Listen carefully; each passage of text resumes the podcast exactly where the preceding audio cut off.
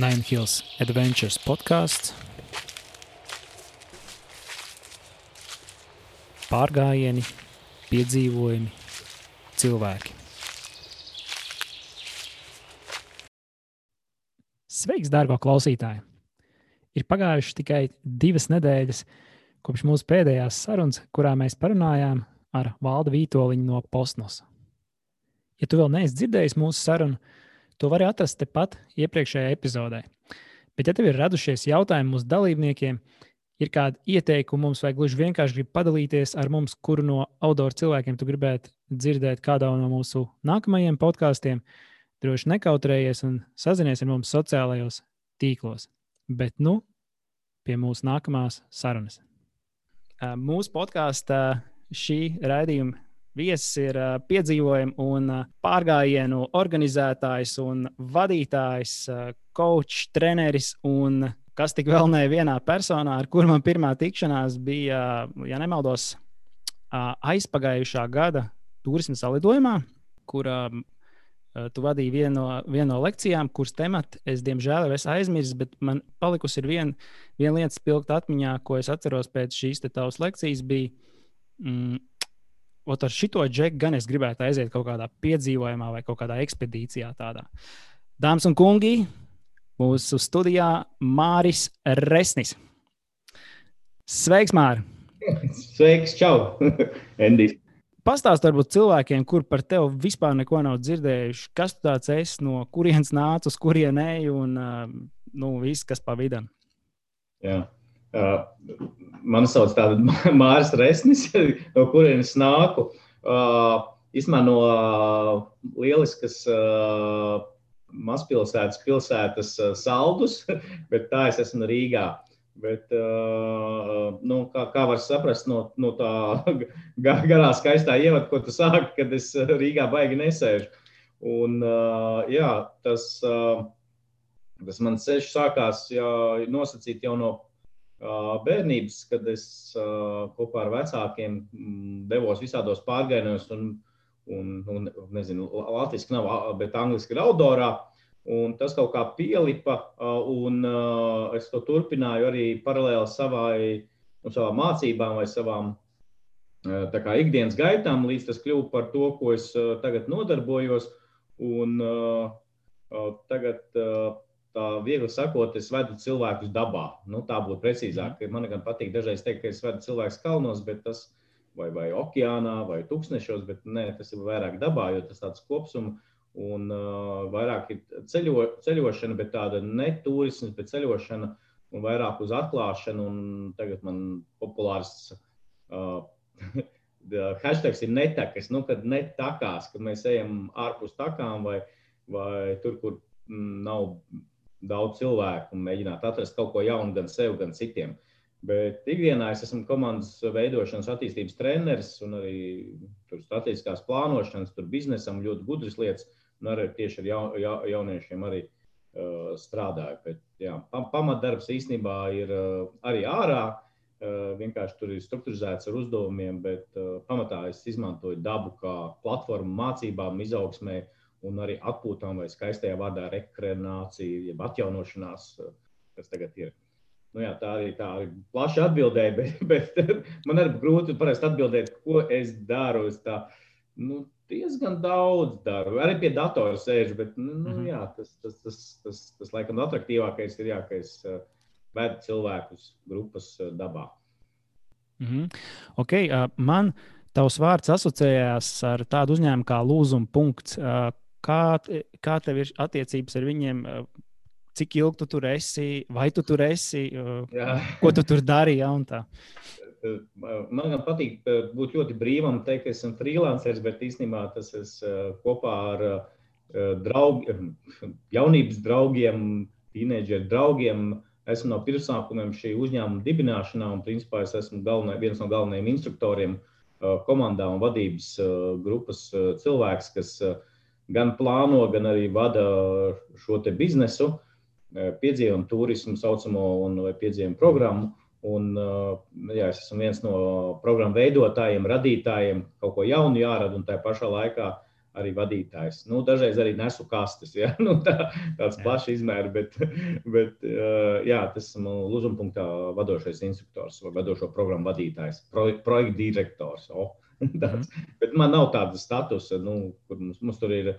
Saka, tāda platforma, komanda, kas ir kā platforma, vieta, kur mēs varam paši izaugt. Un, nu, kā saka, mums neviena priekšnieka nav. Mēs esam paši tā, tā kā komandas mm. spēlētāji, kur, kur uh, dara to, kas patīk, un, un, un nezinu, kāpēc arī citiem patīk.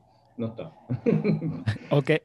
Tad jautājums, nu, lūzuma punkts ir gan sens, un droši vien, ka tie, ceļš tie, kas uzturās, es teiktu, laikam vairāk Rīgā, bet varbūt arī ārpus tā, ir redzējuši busiņš brauc, tur lūzuma punkts rakstīts virsū un tā tā. Bet uh, mans tas jautājums ir, uh, nu, Varbūt tu vari mazliet detalizētāk iedot, eh, nu, ar ko tieši lūzuma punkts nodarbojas šobrīd. Nu, es pieļauju, ka laika gaitā viņi tur ir evolucionējuši un tā, bet ko nodarbojās šobrīd? Un varbūt, nu, piemēram, es tagad es saklausījos tevi, ka tu tur ved ārā cilvēks un tā, un es esmu varbūt uzņēmuma īpašnieks, un es domāju, hmm, es arī labprāt izvestu savu uzņēmumu ārā. Iedod ja kaut kādu piemēru, kā tas notiek praksē, ja? nu, ka, kas man ir jādara, kur man jāvēršās un kas notiek tālāk. Jā visvienkāršāk lūzuma.CLV, bet uh, tur ir ļoti daudz piedāvājumu.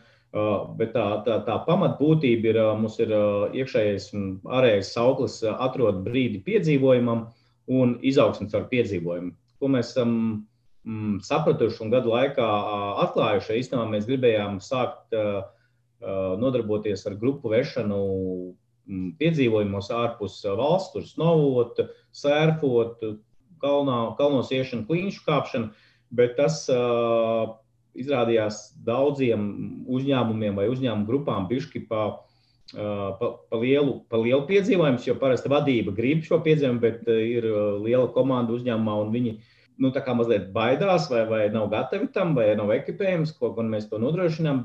Mēs arī, arī, arī esam tā vadījuši, vadījuši, bet tad mēs esam uh, aizgājuši uz to virzienu, kas saucās komandas sadarbības un saliedēšanas treniņi caur piedzīvojumu. Respektīvi, tā galvenā doma ir tāda, ka nu, tā, tā ir dziļā doma, un to parasti it kā neredz. Mēs to stāstām, bet arī neredz, kad redz parasti tur ķīveres, tur virves. Mēs cilvēkam dodam iespēju uzkāpt tur augstu, nolikt kaut kur. Un, un nu, būt vai atbalstīt viens otru, kāpjot kaut kur, vai risināt visādus loģiskus un arī neloģiskus rēbus, uzdevumus mežā un tam līdzīgi. Un to viņi redz to skaisto daļu, tā kā tāda piedzīvojuma sacensības vai piedzīvojuma sacensības elements, bet īstenībā apakšā tur ir ļoti liela doma, ka cilvēki, jeb komanda, ja viņai ir piedzīvojums vai emocionāls pārdzīvojums, parasti pozitīvs, no nu arī mm. negatīvs, bet principā pozitīvs, vai uh, tas nenozīmē, ka viņš ir viegls, ja, tad viņš dažreiz ir tieši otrādi grūts, uh, viņu jāpārvar, un tad radās šīs emocijas. Tad šīs emocijas notur šo komandu kopā, jo tā darba komandai, nu, viņi darbā ir kopā, bet viņi emocionāli nav kopā, tāpēc katrs pilda savu uzdevumu, sevišķi tā šajā laikā. Ja? Bet mēs radām to, to emociju, to piedzīvojumu, to pieredzi, un tad viņi tālāk jau kļūst uh, tuvāk. Ja? Jo jūs tagad, tagad ja var iedomāties, uh, kurus cilvēkus jūs atrodaties visvairāk, parasti tos, kurā jums bijis kaut kāds piedzīvums, vai arī ceļojums, vai uh -huh. uh, slēdz brauciens kopā, tu, tu sadraudzēji, tu jūties tuvāk. Un tad arī darba vidē tev vieglāk ar viņu runāt, brīvāk komunicēt, risināt kaut kādas lietas. Tāpēc, ka tu cilvēku esi iepazinis. Un šis emocionālais lādiņš mēs gribam iedot tādu, lai viņš pārnesās uz biznesa vidu un palīdz. Un arī ir, protams, pētījumi un uh, pierādīt, ka komandām ar šo te, saka, piedzīvumu ārpus darbā un ārpus darba attiecībām šis piedzīvojums dod pēc tam uzņēmumam lielāku peļņu. Nu, tāpēc, ka attiecības mm -hmm. uzlabojas, vai viņš kļūst ciešāks. Un līdz ar to, ko mēs darām, mēs īstenībā veidojam attiecības, palīdzam cilvēkiem izrunāties, un biznesa valodā līdz ar to uzņēmuma vadītājs var teikt, ka viņš iegūs pēc tam lielāku peļņu. Jo mhm. cilvēks sadarbosies, sarunāsies, un tas jau ir komandas darbs. Tad jau dažreiz arī, arī efektīvāks komandas darbs paliek pēc šī te, jo cilvēki iepazīst viens otru no tās nu, citas puses, vai, vai kā viņš rīkojas stresa apstākļos, vai kā risina konflikts, vai kā risina situācijas. Un izrādās, ka ir cilvēkiem dažādi talanti vai dažādas lietas, un tas, tas, tas tā. Nu, tur ir ļoti -hmm. dziļa un liela doma apakšā, bet cilvēki parasti redz to piedzīvojumu daļu, nu, to attraktīvo foršo. Bet īstenībā tās programmas visas veidotas nu, tā skaistā vai pieredzes izglītība, kad mēs mācām cilvēkus mācīties no savas pieredzes, jo no citas pieredzēm parasti cilvēki nemācās. Un tas tā, garais īpatsvars modernā valodā, ne, bet angļu valodā to sauc par team building. Ja, tiešām man liekas, ka, ka es saprotu to konceptu, jo viņš arī saliek tās divas lietas komandas vadībai, kā tu minēji, ir šis team building, viņiem to vajag. Un savukārt tam darbiniekam ir tas piedzīvojums un tā iešana ārā. Tas, man liekas, ka lielāks, nu, tas, tas kas viņu vairāk pievelk, sauksim tā. Mm -hmm. um, super saprotu. Es dzirdēju tos tavus pirmsākumus ar vecākiem, naudu dzīvi un tā tālāk, bet vai tu atceries savu pirmo grupu, kur to organizēt, ved ārā. Un varbūt kaut kāda pieredze vai skola, ko tu no tā piedzīvojuma iemācījies. Jo noteikti tas bija arī piedzīvojums tev. Mm, jā, Tur es atceros, ka mēs ar uh, otru draugu biedru Māru Lazdiņu to darījām, bet tas ir pārāk tālu. Bet vispilgtākais man ir vairāk, kad es pirmo reizi vedu cilvēkus kalnos. Man liekas, tas, tas ir vis tāda spēcīgākā pieredze, jo tur, nu, kad iet kalnos, un mēs, protams, gājām 4100 augsta pārējai, kas ir uh, virs 3000. Kad, nu, tiem, kas nezina, 3000 metru virs jūras līmeņa cilvēkiem sākās nu, grūti. Vai, nu, visādas lietas nāk ārā, tāpēc, ka ir retināts nu, mazliet mazāk skābekļa, lielāks spiediens, mm. un tad attiecīgi cilvēkiem, piemēram, parādās kaut kādas mikrotraumas vai kas bijuši kaut kad, un tad viņas sāsinās vai arī tā slodzi liela, un tad nāk ārā. Un tad, tā, tā, tā pieredze bija tāda, ka nu, tev pašam sev jātiek galā, tev pašam ir grūti. Un tad tev jātiek vēl ar maršrutu, ar, nu, kas, protams, ir saplānots, bet tur ir attiecīgi viņš jākoordinē. Un plus tad jātiek vēl galā ar grupu, un tad vēl ar individuālu cilvēku. Tas nozīmē, ka tev tā kalnu baudīšana, ka tu saproti, nu, tu, protams, to zini un tā, bet tu saproti, ka tā kalnu baudīšana ir uh, otrā, vai trešā, vai ceturtā prioritāte. Nu, kad tev ir galvenais komanda, uh, nu, tu viņai ziedojies. Ja, tu, tu, tu nevari pagulēt ilgāk vai čamāties ar uh, mugursomas krāmēšanu. Nu, tev ļoti divreiz vairāk jādomā, divreiz vairāk uh, jādomā uz priekšu. Nu, tieši tajā operatīvā, protams, tu seko kaut kādam plānam, bet tas plāns, uh, kad sastopas realitāte, tad tas lielākais, kā saka, vadītājs stress, un tad, kad to pirmo grupu vadīja, jā, ka tiešām varēja izjust, ka tu vadi grupu. Jo nu, tādos eh, mierīgos, piemēram, Latvijas apstākļos, ja tur ir eh, normāli cilvēki, tad parasti nu, tas tā, kā saka, mierīgi notiek. Bet, mm -hmm. kad tev ir sāsināts lietas, ka cilvēki, ka tu redzi, ka viņiem grūti, bet nu, ir jāiet tai pārējai pāri. Nu, tur tev ir, kā saka, mazliet militārismu, ja, nu, kad, jā, nu, būs, būs, kā saka, grūti, ja būs, negribu teikt, zaudējumi, bet cilvēki mirs, kā saka, šausmīgi, dramatiski to pateikt. Bet, nu, kad jā, cilvēkiem būs grūti, bet tev ir jāsaka, nu, ir jāiedvesmo un galvenais pašam to prāta stāvokli un eh, emociju stāvokli nostabilizēt, lai nu, vismaz nav viņš eh, negatīvs. Jo tev arī nu, mazliet slikti ir, vai ne? Dažreiz nu, tajā, tajā pārgājienā arī bija kaut kā. Tā kā bija tā, tā atbildība tik liela, ka mazliet bija stress, un tad, attiecīgi, pa veselību, nu, tev arī tev liekas, ka ir grūti. Var, tad baigi sākt pārbaudīt, varbūt pat traku tas maršruts, varbūt varēja plānot bišķi nu, mierīgāk. Viņu, bet, nu, jā, beigās jau viss, protams, ir labi, bet tā, uh, nu, jā, tur es vairāk izjūtu to nu, grupas vadību. Tas varēja visas tās lietas, ko es uh, arī pasniedzu citiem par grupas vadību. At, atcerēties un, un reāli, nu, teorijas reāli strādā, reāli strādā dzīvē, un tad, attiecīgi, noticēt sev un darīt tā, kā, tā kā arī nu, tā kā vajag darīt. Tas, mm -hmm. tas, nu, respektīvi, vadīt cilvēkus, runāt ar viņiem, tur vienu motivēt, otram stulbs joks stāstīt, trešo sarāt teikt, saņemies, tu taču vari vai ne. Nu, protams, tur nu, tā cilvēku pazīšana. Un, Jā. Protams, atgriežamies atkal, atpakaļ pie tām attiecībām, jo nu, dzīve arī, bet kalnos sevišķi cilvēki vispirms notic vadītājiem, un tad tikai maršrutam un nu, tam plānam. Mm -hmm. ja, nu, nav tā, ka viņi jau tur ir plāns, un tad jā, viņi pasakā, ah, nē, šis džeks izvedīs. Nu, tad tev ir jā, jātaisno tās jā. tā cerības. Kā, tur, tur, tur tā nevar Tad vienā dienā, ai, pats saguris, ne, nekur neejam atpūst. Nē, nu, tur tu nu, vien, nu, ne, nevar. Tas, nu, ja tev, tev iekšēji nevar, ja tad viss ņem, saņemies. Ja ir dienas, kad nevar padoties, ja teiciens, nu, tā, tās ir tās dienas. Kad, Jā. Bet tas bija viss, tu saprati to pēc pirmās reizes, jau, vai tas tomēr ir gadu laikā, nu, visas šīs lietas, tur runāt, psiholoģija, tas tomēr, man liekas, ir tāds Nē, nē, pilnīgi, tas noteikti palīdzēja tā iepriekšējā pieredze, kad es vedu cilvēkus uh, mežā un uh mhm. -huh. īstenībā cilvēku pazīšana. Tas, tas mm. autora instruktora darbs jau mm, parasti visi redz tās Instagram skaistās bildes, kad tur kalnos un vai viegli tuksnesī. Sērfojot, ja tur ja viņi neredz to uh, attiecību darbu, ka tev ir jāstrādā īstenībā ar cilvēkiem. Mm -hmm. Un, kā mēs zinām, tas cilvēki nav Excel. Ja, ja kļūdu izdarīju, nu, tad viņi paliek tur. Viņu nevar izlabot, un nu, viņi var labot, bet viņi paliek. Un tad arī īstenībā tas nu, baigi sevi jāattīst cilvēku prasmes. Mm -hmm.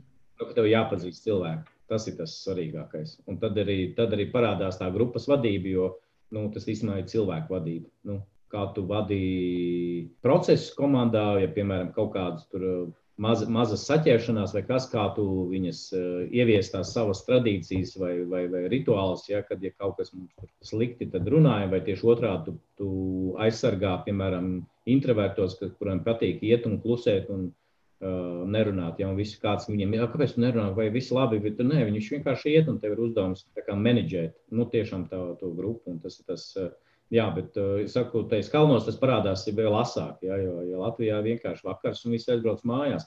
Tur mm -hmm. 12 dienas, un tad ir tas intens.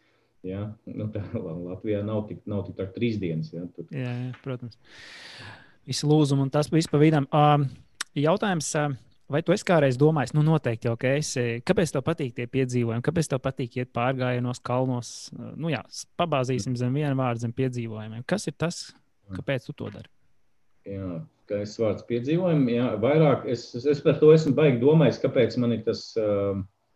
Nu, tā vēlme visu laiku iet, jo, ja godīgi, nu, arī man daži draugi saka, nu, ko tur kalnos dara, tur viss ir vienāds. Vai vai, vai, nu, arī, arī Pāzija, ja tu ceļo, nu, labi, es esmu ceļojis daudz, principā jau nu, viens un tas pats, tur tirgus, dažādi ēdieni, tur vārdas čūskas, bruņurupuši vienalga. Plūdma, nu, principā, nē, principā, nu, jā, viss vienās. Bet, nu, man, kā es atklāju, kad īstenībā, kad tu dodies tajos piedzīvojumos, pirmkārt, tu atklāji kaut ko jaunu, tā fiziskajā pasaulē, bet arī ļoti daudz sevi, savā pasaulē. Un tas, man liekas, ir tas galvenais vilcējspēks, kāpēc uh, es dodos, tāpēc ļoti daudz to atklāju īstenībā par sevi. Tas ir kā ir ceļojums sevi. Un kāpēc kalni? Tāpēc, ka tur uh, sanāk tā, ka tu principā dienā esi viens, tu visu laiku ej un runā ar sevi un vakarā tur runā ar citiem. Nu, tāpēc, ka tur mājiņa, telts vai, vai kur, nu, tad ir tas ēšana, tad, bet pamatā tu esi sevī. Un ikdienā jau mums sanāk, ka baigi daudz trokšņa, aizņemtība un tā tālāk, un tu nekad tā baigi neparunā.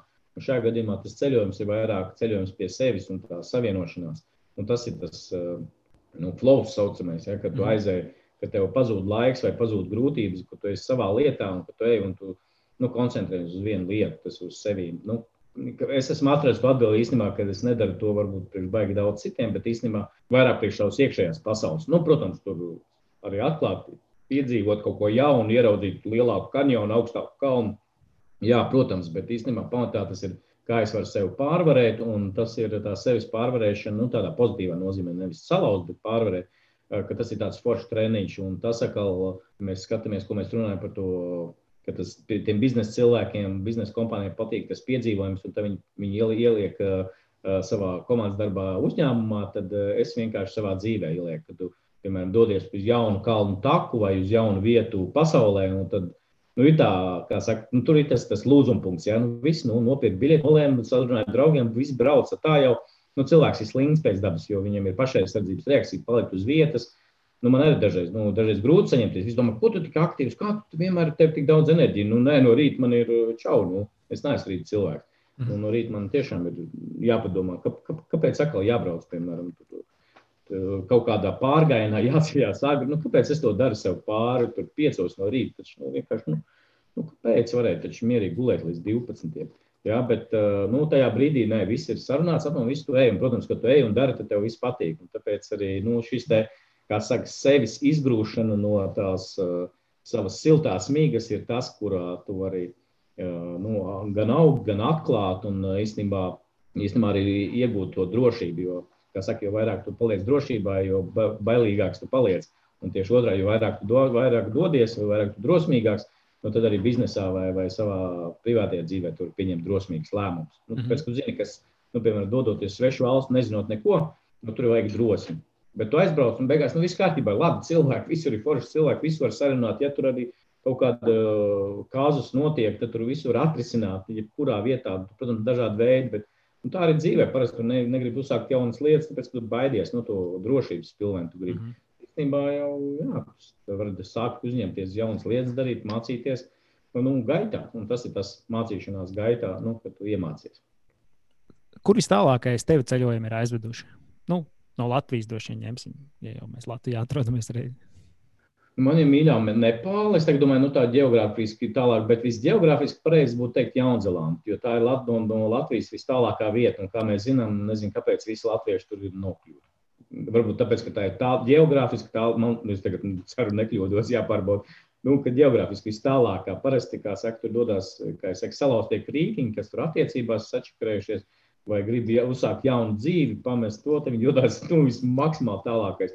Un tas, man liekas, ir kaut kāds, es kaut kur esmu lasījis, vai es atceros, ka tas ir maģisks brīdis, kad tu, nu, lai to atrastu atkal sevi, tev ir jāizdodas uh, vis tālāk, cik tu vari. Nu, respektīvi, yeah. tā nav gluži bēgšana, ja, jo tas, tas ir garš koncepts, ja, bet nu, vienkārši tu gribi, kāpēc arī nu, varbūt atbildot uz iepriekšējo jautājumu, kad tu dodies projām, tad tu īstenībā redzi, kas tev ir nu, ka tev, tu redzi, ka, nu, piemēram, Latvijā ir nenormāli forša zeme, ka tur īstenībā ir ļoti daudz kas sakārtots, ja, un daudz, kas, daudz iespējas un viss tam līdzīgi. Un tikai tāpēc, ka tu esi bijis, piemēram, kaut kādā Āzijas valstī, kur tu paskaties, kur tur jauniem cilvēkiem, nu, principā, jā, līdz uh, 30 gadiem vispār nav iespējas baigi izrauties, vai, piemēram, ja tev nav darbs, tu nevari aprecēties, nu, tad vienkārši nu, tā, tādas lietas. Uh, nu, ko tu nevari, vai viņi nevar, piemēram, ceļot, vai ne, piemēram, Marokā mēs uh, tur sadraudzējamies vietējiem, saka, jā, jā, brauciet uz Eiropu, viss labi. Viņiem izrādās, vajag tur vīzu vai kaut kādu atļauju, vai ne, lai viņi vispār Eiropā Savienībai ieceļot. Ah, nu jā, jūs jau laikam nevarat. Tad tu tur jau izbraukājis simts valsts un, un tā. Bet uh, tas ir tas, ka tu novērtē, nu, kur tu esi bijis. Nu, kas tev ir īstenībā? Jā, jā. Protams, un Tas man liekas, tāds klasiskais stāsts par sprīdīt arī, nu, vismaz tādā grāmatā jau attēlots, ne, ka tev ir kaut kur jāaiziet prom, lai atgrieztos atpakaļ tajā savā vietā. Un, man liekas, ka uh, laikam, cik es esmu runājis vai dzirdējis cilvēkiem, nu, ka tas mazākums jau ir tāds, kas gribētu no šejienes aizdoties prom un visu laiku tikai visu laiku kaut kur ceļot no, no valsts uz valsts, un vispār nekad neatgriezties pārsvarā. Jā, tomēr tas ir mēs izbraucam, atgriežamies, izbraucam, atgriežamies. Ne? Nu, tā kā tādā bāzes vietā. Un tomēr. Un daudz jau saka, protams, tā dzimtene ir viss tas, vis tas labākais, kas var būt. Latviešu kolts ir sprīdīts doties un atgriezties. Bet ir jāizdodas, lai pie tās laimīgās zemes atgrieztos. Jo, ja tu nedodos, tev liekas, ka. Jā, jā, protams, un tur ir pieredze cita, un kā jau tu minēji, ne, citas kultūras un citi skatu punkti uz tām pašām lietām. Tas, man liekas, nu, mm. palīdz tev izvērtēt kaut kādas tās lietas, ko tu vari uzskatīt par status quo. Nu, es teiksim, tā to, tā to redzu. Jautājums jā, par, nu, tu arī minēji kalnos kāpu un vēl visu kaut ko nodarbojies. Kā ir ar fizisko sagatavotību? Tu kaut kā īpaši sevi gatavo katram pārgājienam, vienkārši cauri gadu ar to nodarbojies, ar ko nodarbojies vai neko nedari? Oh, šis, šis, labs, šis ir labs jautājums. Es uh, sagraušu, nezinu, fitnesa industriju. Es pasaku uzreiz, ka es uh, neju uz zāles. Uh, Mm -hmm. ja? es, es nesaku, ka nevajag iet, ja? tas tik tā saka. Bet uh, tas svarīgākais mans princips ir būt, uh, mēģināt būt, ne, tad baigas slikts vārds mēģināt, vienkārši būt aktīvam uh, uh, katru dienu. Un to, ko es uh, mēģinu darīt uh, katrās brīvdienās, ja ne ar grupu, tad vismaz ar tuvākiem, tuvāko baru draugiem, uh, kaut ko aktīvi darīt. Vai -hmm. arī katru dienu doties ar kājām uz darbu, vai ar riteni braukt. Nu, respektīvi, vajag šo arī kalniem, kā mēs arī iesakām jums. Uh, tur prasa cilvēki, ja tur man jāskrien maratons, lai es būtu. Kā. Nē, tur katru dienu, ja tu skrien tos savus, savus 4-5 km dienā, vai tu ej uz zāli, vai tu kaut ko dari aktīvi. Nu, respektīvi, kaut ko aktīvi jādara. Mm -hmm. Un tad īstenībā uz, uzturās fitnes nedara tā, ka tu mēnesis not, nu, tā kā neko nedarīsi. Nē, nu, mazliet kaut kas jādara. Ja. Nu, tad uh, noiešu tur uh, 100 km ja, šos mm brīvdienās. Ja. Tad, nē, nav. Man arī grūti. Man es neesmu tāds uh, nu, džeks, kas ļoti tā konsekventi varētu ievērot šo disciplīnu katru dienu, tur nezinu, piepumpēties 30 reizes un presīte un kājām. Nē, nē, nē, man ir vairāk tā, ka es mēģinu būt ikdienā aktīvs. Nu, tā kā latviešu zemniekiem, viņam, viņiem jau bija fitnes, bija darba fitnes, ir ļoti labs. Nu, respektīvi, tu, ja tu četras stundas nosēdi pie datora, nu, izēj ārā, nu, tur apēj apkārt piecreiz mājai, nu, vienalga, ko. Ja skrien forši vēl tur no rīta vēl piecelties, vai vakarā skrien, ņemies vai aizēj pastaigāt vienkārši. Es, es atradu atklājuši šogad nu, to, ka man baigi skriet. Skriet nepatīk, bet man patīk šausmīgi iet. Mm -hmm. Vienkārši iet nu, kas ir mazliet tā, nu, noiesim 5 km. Ja neviens tādu ne, nu, Instagramā neieliks, ka tu nogāji. Jā, jā. Nav stilīgi. noiet, nu, man kaut kā, bet tas ir no jūsu ķermeņa. Tur tā, tas nāk ar laiku un pieredzi, ka tu saproti, kas tavam ķermenim vajadzīgs vai strādā. Citiem, piemēram, patīk tā airēt. Mm -hmm. uh, nu, vienkārši airēt man ir līdzīgi, ka uh, man arī tas pats, ka nu, skriet man nepatīk, nu vienkārši skriet, uh, bet man patīk skriet, piemēram, ja es spēlēju kādas sporta spēles. Jā.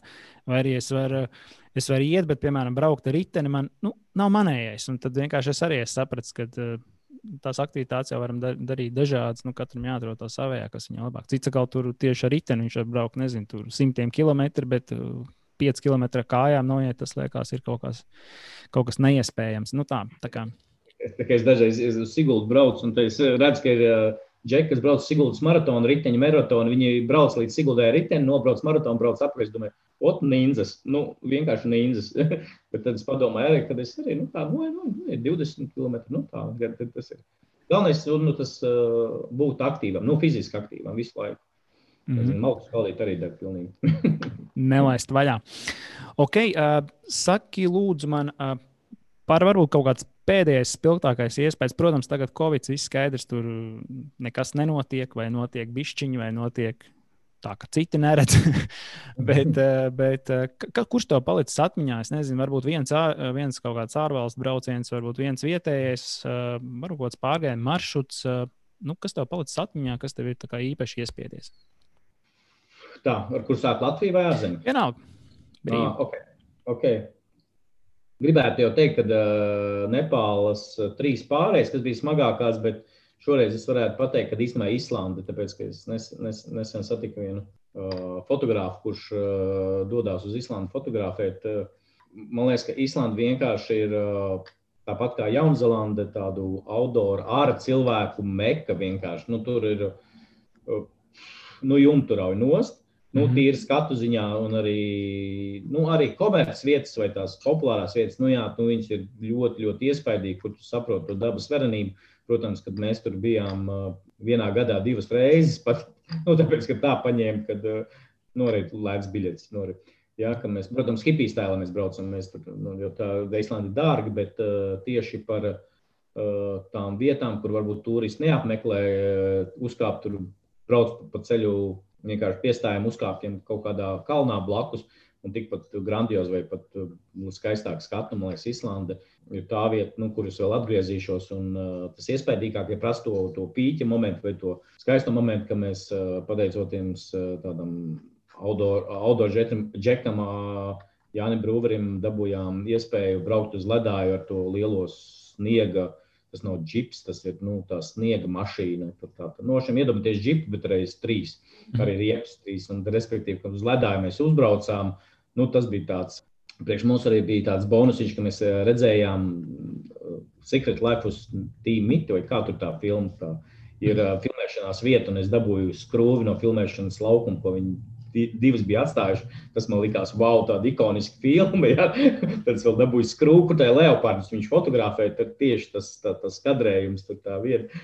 Tad man likās, wow, tas ir vienkārši. Nu, es, nu, neticēju kaut kā, es nezinu, kāpēc, kad nu, es būšu Islandē, ne, nu, jā, jā, jāsapelna nauda un, un tad, bet, bet īstenībā mēs, protams, arī aizbraucām un dzīvojam klasiskajā hipijas stilā ar mašīnām, gulējām arī dažreiz neatļautās vietās. Un, un gatavojām ēst paši un nu, vienkārši brīnišķīgi iztaigājām trijos naktī. Tur ir polārā diena, objekts mm -hmm. un apbraucām apkārt. Nu, un vienkārši arī veseļos. Tas ir nu, vulkāni, respektīvi, vulkāni, tas plašums. Un, kāpēc tur vēl ir vērts braukt? Tāpēc, kad, uh, priekš outdoor cilvēkiem, kuri nu, nevis tikai skatās objekts, bet arī kaut kur iet, tur ir uh, skarbi, tur ir vējš, kas strauji, ja tu attaisi durvis un nepieturi viņas, tās durvis izlauž. Mm -hmm. nu, respektīvi, ka tas vērš vai tas skarbums tur ir tāds, nu, tāds ļoti nopietns. Līdz ar to tev ir jābūt gan sagatavotam ekipējuma ziņā, gan arī psiholoģiski, ka nu, vējš neapstāsies. Ja mums Latvijā ir liels 15 metru vējš, viss brauc uz Bolderā, uz Molu skatīties viņus un vēju. Ja?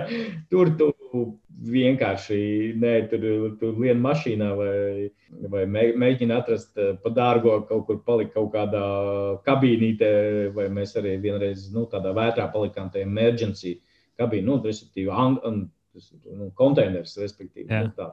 Un tas man likās, tas tāds, wow, ka tev nu, ar to māju grabinās. Mēs, kad viņus braucām, bija naktis, un mēs redzam, ka tas, jo tur ir vietējās laika ziņas, kas pasaka, ej, tinās no ceļiem, paliekat, kur esat slēpjaties. Tāds, À, nu, re, un tad ir tas moments, kas man patīk piedzīvot. Nu, tagad ir pa īstam. Nu, tagad, nu, tagad točni ir pa īstam. Mm -hmm. nu, tur tāds, kad, nu, tā kā filmās ir tas spriedzes moments, tur parasti režijā, nu, tad tur tas spriedzes moments nu, ir rīktīgi, rīktīgi bīstami. Tu brauc un tev kaut kādā trīs km tur redz. Uh, viens žips tur uh, no, nolūzis, respektīvi, nav pamanījis akmeni, ir apmetis riņķi un stāv. Nu, nav cilvēki, saprot, ka viss kārtībā. Nu, mēs neredzējām, bet nu, pēc tam lasījām, ka viss labi. Bet nu, vienkārši tāds - tu vienkārši brauc un tā, ok, viens žips tāds, nu, apmēram tā kā arī karaspīdas pildējis, nu, ka tur Pārējie ir nu, jau nolikti malā, un tu esi pēdējais, kas vēl, nu, kuram jāpaspēj tur vēl jā, jā, jā. stundiņu, un tad ir tāda spriedze. Nu, jā, pēc tam, protams, sāk, no rīta pamosties, ir skaists saulains laiks, dzer kafiju, tur skaties uh, lielo akmens tuksnes ar zaļumiem. Tāds, jā, nu, jā, tas, ir, tas, tas, tas ir tas, tas, tas uh, Islandē. Nu, šogad cerams, uh, maijā, maijā Viestjordi. Ja. Aha. Jā, bet Latvijā man liekas, es tā padomāju. Man ir ļoti daudz vietas, bet man liekas, ka rietumu krasts gar jūru, plus mīnus izējot, ienākot iekšā, tas posms no, no Pāvilos, respektīvi stāvkrasta. Man liekas, mm -hmm. tas ir tāds tik episks un, nu, ka tu vari iet gar jūras krastu un nu, gandrīz nesastapt nevienu cilvēku. Tur ir viens tas posms, kur, nu, kurā nav, un tad ir, tur tā jūto to pirmatnību var izjust. Un, -hmm. Man liekas, tas ir tas uh, top, manuprāt, jo es nogaisu visu to jūras pusi. Tā iekšpuse man uh, līdz liek, tur mierīgi jūra, tas, tas tāds pašvaku liekas, ja, ja kaut kāds mm -hmm. tur attālums, jā, bet uh, tieši tādā skarbuma piedzīvuma ziņā, un sevišķi vasarā, ja var peldēties lielos viļņos, nu, tas ir tas, kas nu, ir tāds, tu tiešām sajūties kā, nezinu, Portugāles viļņos, vai, nu, ka tur tas ir augstāks ūdens, protams, tur jābūt uzmanīgam par drošību, bet bet tur var dabūt tos sajūtas, vai arī nezinu, vienkārši gulīgi guļam tīklā, tur priedēs un, un vienkārši, vai vienkārši uz paklājiņa zem zvaigznēm un tam līdzīgi. Jā, nu, tas ir tāds. Man par jūras krastiem runājot, man, man savukārt mīļākā vieta ir tā, kas ir uh, arī at, nu, liela jūra, ja, kā kurzemnieks saka. Uh, tā, kas ir no Kolkas raga, bet es teiktu, līdz kaut kur līdz Lielirbai, līdz uh, Mm. Līdz ta, tas krasts, jo tieši paša iemesla dēļ, ka tur ir tu izēj ārā, tu paskaties uz vienu pusi, uz otru pusi, tu neredz nevienu cilvēku pludmali tādu lielu un plašu, tur atklātā jūra. Es domāju, ka es, es ticu, ka jebkurš cilvēks, kas atbrauc no kaut kādas Eiropas uz šejienes un salīdzina, piemēram, nu, man tas arī īstenībā bija diezgan liels pārsteigums. Tad, kad es pirmo reizi biju Eiropā, nu, piemēram, aizgāju Itālijā, nu, ar džekiem mēs tur aizbraucām, hei, vai ejam uz pludmali. Un es tā biju iedomājies, nu, kā tā kā Latvijā pludmali tur normāli aizēj, tur smiltis, tur pagulēsim, iedzersim kaut kādu sangriju, ja tur uzspēlēsim bumbu, iesim peldēties baigi forši. Un tu aizēji lejā, un tur kaut kāds klints, un tā pludmale, tur tāda oļa, ja tur tāda akmeņa, un tur principā nav kur atgulties, jo viss vienās klintīs, ūdenī peld tur plasmas pudeles un tāds viss netīrs. Un tev liekas, bāc, nu, bija jābrauc šāds gabals pie jūras, ja tev pašam ir kaut kas tāds. Un, un tad, es, tad es vienmēr es atceros šo skatu. Un pēc tam, protams, arī ceļoju pie. Nu, teiksim, pa citām vietām, pa citām pludmalēm. Nu, tomēr es sapratu, ka īstenībā Latvijas pludmale tas ir kaut kas īstenībā unikāls. Un, ja tu vari iziet ar, jā, un Eiropā plus vēl šis moments ar to, ka diezgan daudz pludmales ir privāti īpašums, ja, kas arī, ja mēs gribam kaut kur iet, ņem īrē to guļamkrēslu, ja samaksā, nu, faktiski tā, tā kā tā diētai pludmale. Es domāju, mums tas viss ir bez maksas, tu izēj ārā vasarā, karsts, tu paskaties uz vienu pusi, nevienu cilvēku nav, paskaties uz otru pusi, nevienu cilvēku nav, tas viss stāvējais, ja, pilnīgi tā liekas kaut kas neticams. Tā kā, tā kā jā, nu, līdzīgs tās sajūtas. Savukārt par Īslandu man ir, ir tā, ka Valdis Ozoliņš pagājušajā reizē, es viņam uzdevu šo pašu jautājumu, kas ir viņa mīļākā vieta, un es atvainojos, nevis Ozoliņš, bet Vītoliņš, nezinu, kāpēc es gribu viņu pa Ozoliņu nosaukt. Uh, Un viņš tieši to pašu minēja par Islandu. Viņš teica arī, ka viņa absolūti mīļākā vieta esot Islanda. Es Islandē neesmu bijis, bet viņš jau man tā kā uzkurbulēja to, to, nu, to gribēšanu. Un tagad tu man pateici, man liekas, tā viss nākamais ceļojums ir uz, uz Islandu jā, jāorganizē. Nu, protams, tad, kad to varēs izdarīt. Ok, runājot par tiem vietējiem gājieniem, nu, laikam jau vairāk par vietējiem. Kā teiksim, tev ir nu, ir tāda viena būtiska sastāvdaļa, ok, mēs ejam, bet tad mēs kaut kādā brīdī neejam, tad mums ir apmetne. Un tad uh, man tas jautājums ir, kā tev ir teiksim, šis te apmetnes jautājums, cik tu viņam nopietni pieeji? Tur, teiksim, citi tur ceļ eh, nopietnas apmetnes, tur ar zaru būdām, un, un, un tur nopietnas uh, ugunskura vietas taisa un ēšana. Tas, tas ir vesels process. Kā tev ir, teiksim, nu, bet vairāk nevis pēc vajadzības priekš klienta, bet kā tev pašam ir tā sajūta, tev gribās uz to laiku tērēt, tas ir tev centrālais elements vai tomēr tā iešana? Ir?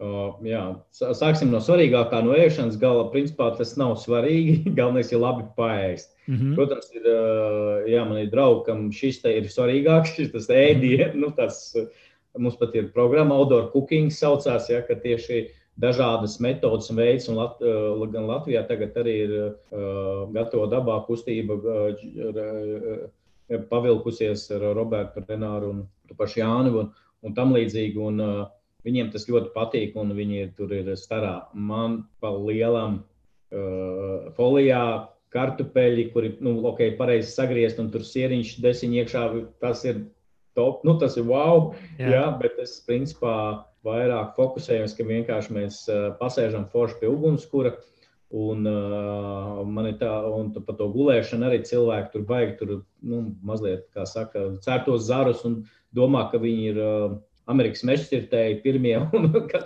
nu, tur vispār tāds būvs. Un tad man tas, es nezinu, kāds kaut raksta, man liekas, ka arī baigi iesmēgt. Nu, pa 6 eiro ir tents būvniecības veikalā uztais. Nu, kas, kā, prieš, kā, prieš, ko tu ņemies? Pirmkārt, Jā. lietus līdz cauri, otrkārt, vējš pūs cauri un dabu bojā. Nu, tāds ir kā baigais izdzīvošana. Nu, Latvijas izdzīvošana ir aiziet uh, 5 km līdz tuvākajai mājai, paņemt telefonu, pazvanīt, lai pabrauc pakaļ. Nu, ka, nu, nu, nē, nē, nu, var noķert traumātiski. Es zinu, ka ir daži džeki, kas iet vien, vienītī tur nedēļu un šitādi ņemās. Manā mhm. uzskatā, nē, man, es pat dažreiz man prasu, kā telti labāk pirkt. Es saku, es nezinu, man, es neguļu teltī.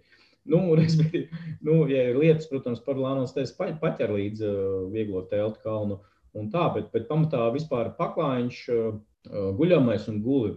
Viss. Tā, tāds mm. arī tas koncepts. Un, uh, Tagad jau arī redz, mums Eiropa nāk at, at, ļoti iekšā, kad nu, nedrīkst tās telpas celt daudzās vietās un vai mm -hmm. pamāks. Nu, kad Vaildā principā tas ir paklājiņš un guļamais viss un mazāk jānes un, un foršāk. Un, man tie vakari vairāk vai tā apmetas vairāk asociējās ar tiem cilvēkiem, kas ir, ar kuriem tu ej. Un tu vairāk ir tās sarunas vai jokošanās, un dažreiz arī vienkārši klusēšana, kad tu sēdi pie tā ugunskura. Mm -hmm Un, uh, diemžēl, jāsaka, tas, uh, jā, es atceros uh, savus pirmsākumus, mēs baigi bieži sēdējām pie ugunskura. Mm -hmm. Nu, tādā ziņā, ka pāri nu, tagad ir tā, ka 50% sēž pie gāzes plītiņas. Nu, jā, tā ir sēž.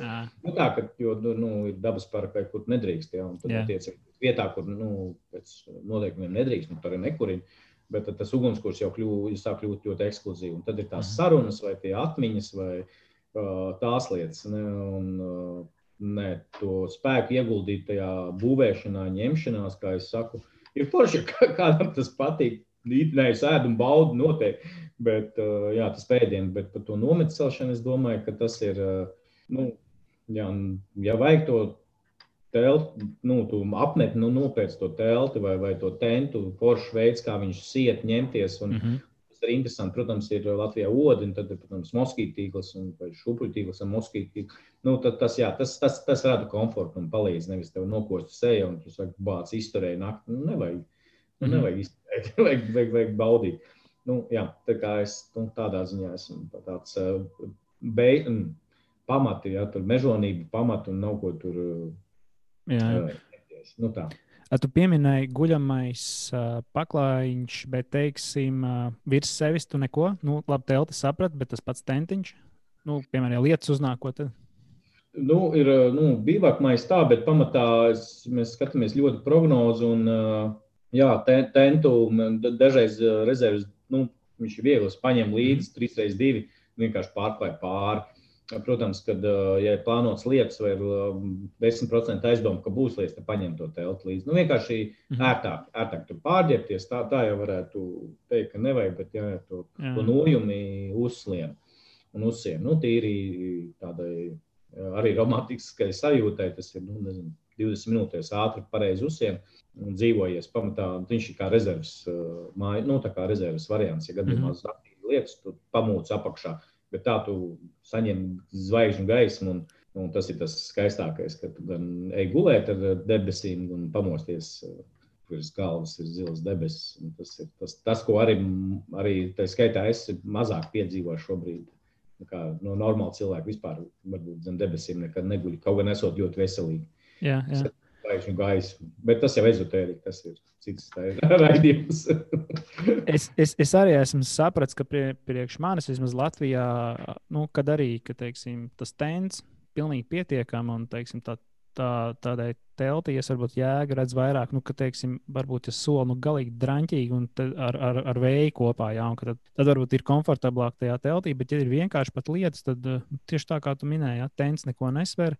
Mēs viņu varam vienmēr iemest iekšā dažādiem nolūkiem, apakšā varam klāt, varam klāt virspusē, nu visādi. Tā kā pilnīgi pietiek, vietas gan arī necik neaizņem, un, un viss ir kārtībā. Nu, man liekas, ka es pat neatceros tādus beigos apstākļus, kad man būtu prasījies telti. Ziemā tur arī nu, praktiski mēs esam mērījuši kaut kādu nu, divu grādu atšķirību. Ja pie lieliem saliem man ir, man ir rādījis, teiksim, bet uh, baigi lielāka jēgas neredz. Ok, ja vējš pūš, nu, tad tur atkal var skatīties, jā, tad tur var būt. Bet, nu, man liekas, to pašu tentu ar to vēju piesakt, no kuras puses vajag, un, un viss ir kārtībā. Ok, uh, pārgājieniem pieskārāmies, piedzīvojumiem pieskārāmies, bet es esmu dzirdējis, ka tev ir arī kaut kāds sakars ar divingu. Uh, teiksim, kā ir ar to, uh, cik tālu tur esi ticis, kādā līmenī un tā. Tas īstenībā tur, tur ir senāks stāsts, varētu teikt, jo man šausmīgi mācījos Rīgas 7. tagad Natālijas draudziņas gimnāzijā, un tur bija baseins. Mm -hmm. Man šausmīgi patika nirt ko nedrīkstēja darīt. Basēnā nenirstam. Uh, bet man patīk, un es varēju, es jau pašā sākumā man patīk šurp turp un irt pa to basēnu, un arī tālāk universitātēm RTU es arī riktīgi, nu, nevis peldēšana, jā, kas man patīk, tad, nu, tā patās.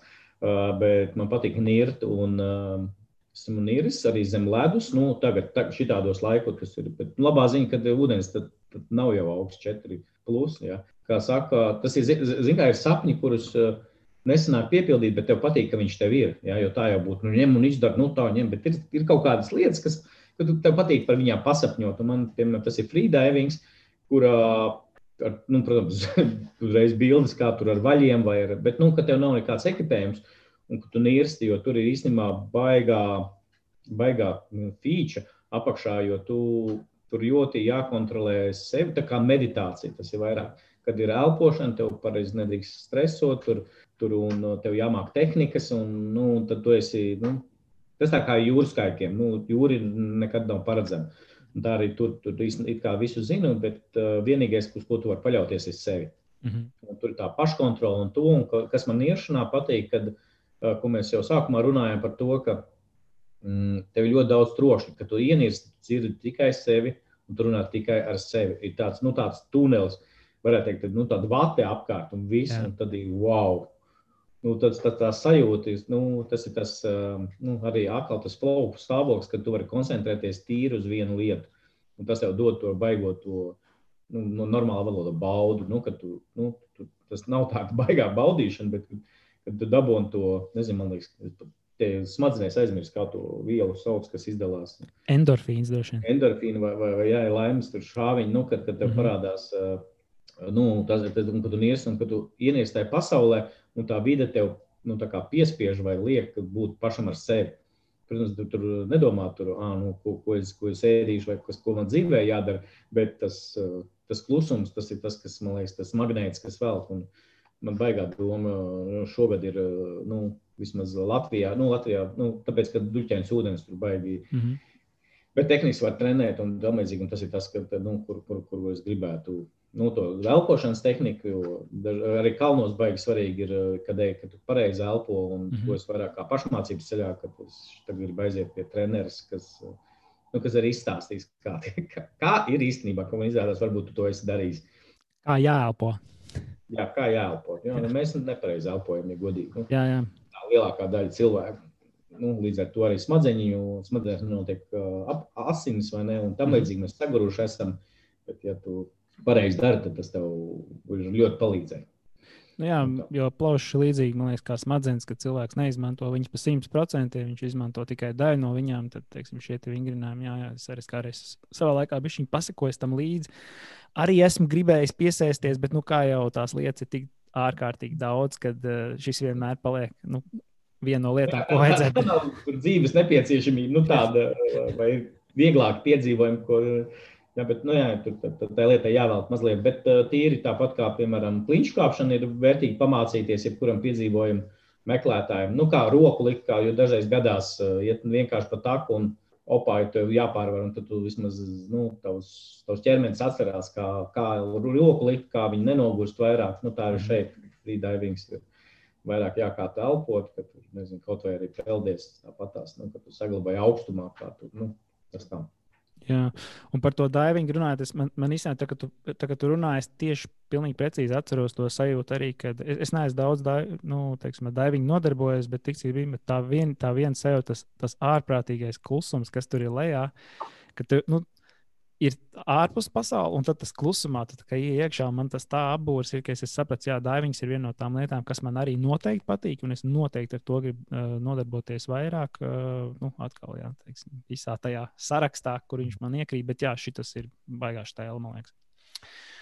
Ok, uh, tad nu, pasapņojam drusciņu. Nu, iedomājamies, kad uh, tev piedāvā desmit dienas braukt, kur acis rāda Viss ir apmaksāts, Covid ir atcelts, nekas nav. Un, uh, un, un, un jautājums, jā, uz, kurien, uz kurien tu brauktu, kas tas būtu par piedzīvojumu, ko tu darītu? Desmit dienas, viss apmaksāts, viss notiek.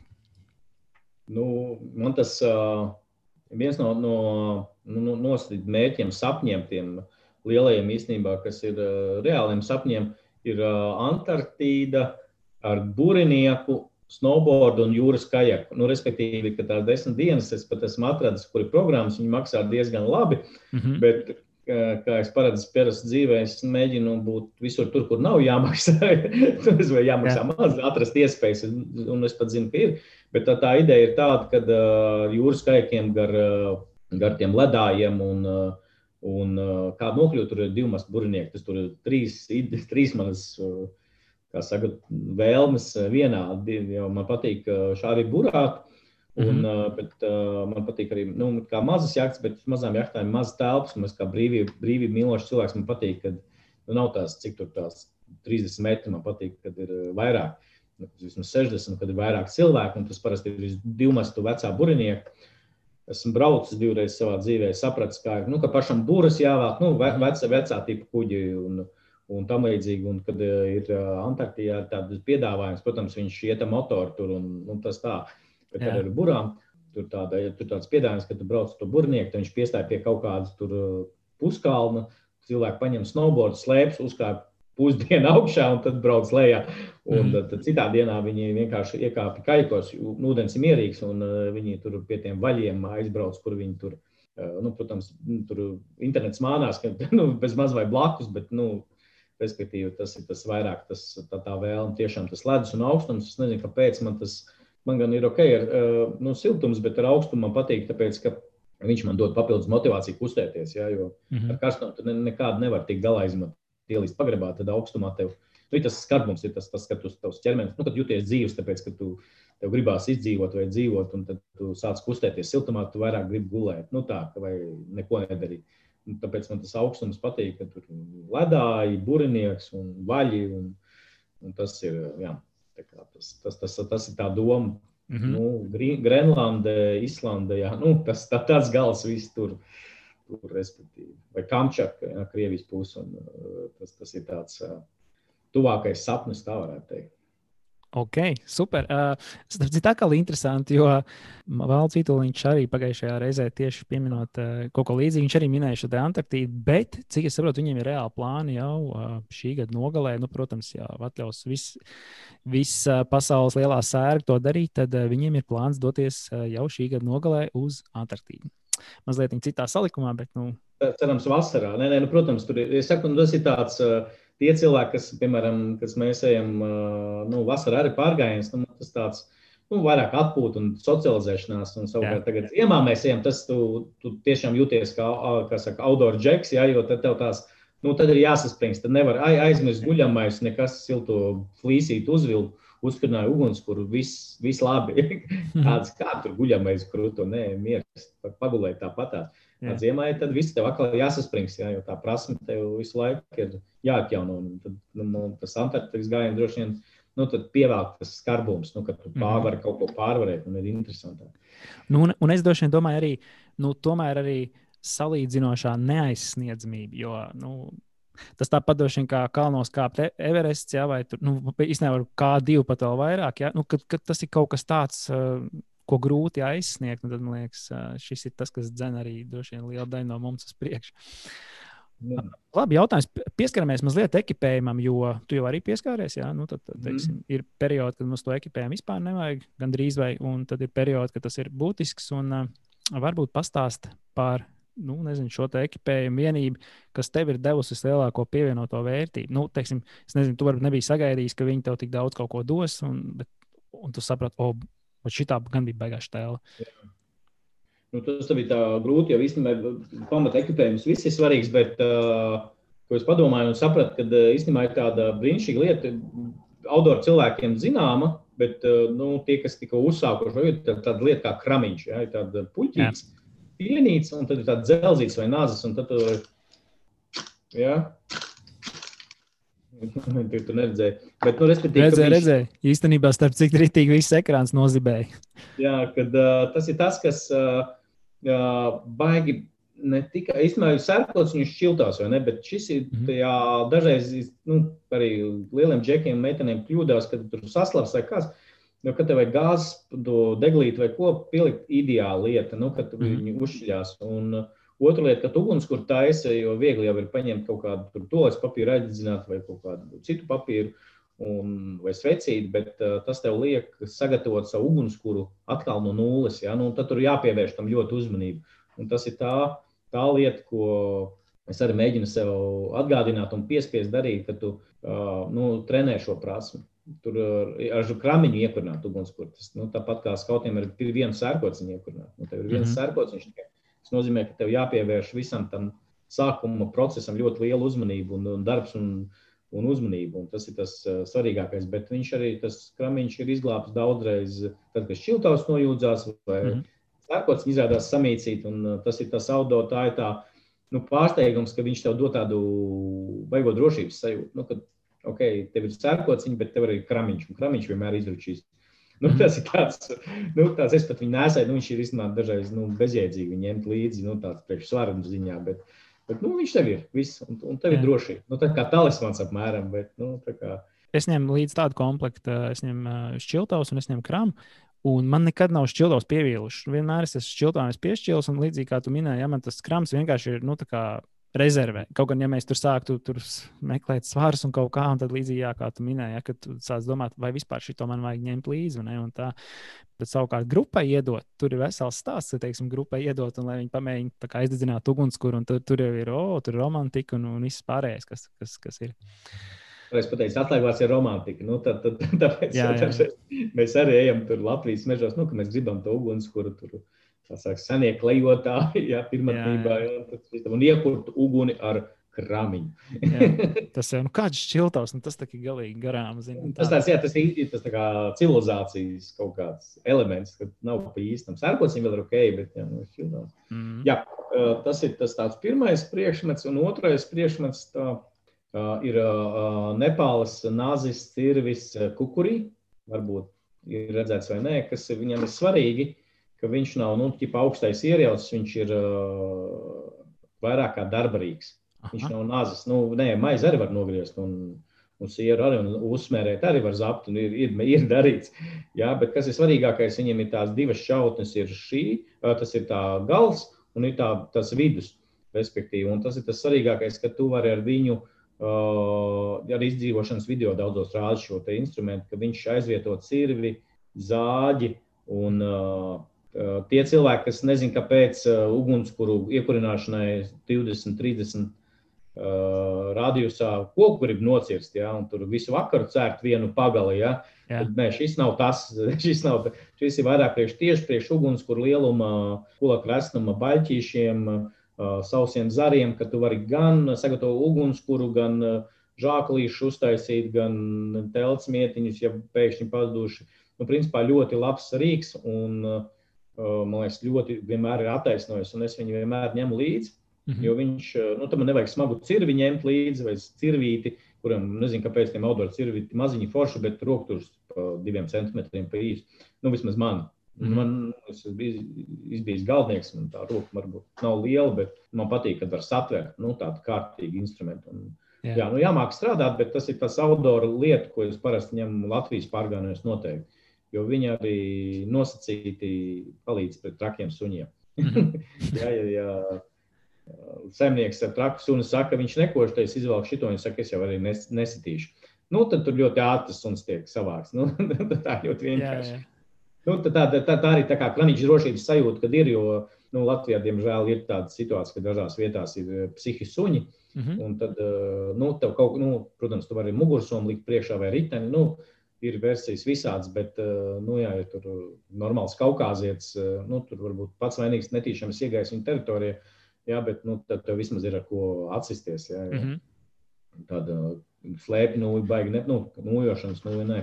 Bet tas ir tas, kas, nu, tāds otrs lieta, ko, kas man baigi, baigi palīdz, un, respektīvi, atradis tādu universālu rīku, ja, tā kā no Nepāls, šis te kukurī. Tāds man nav.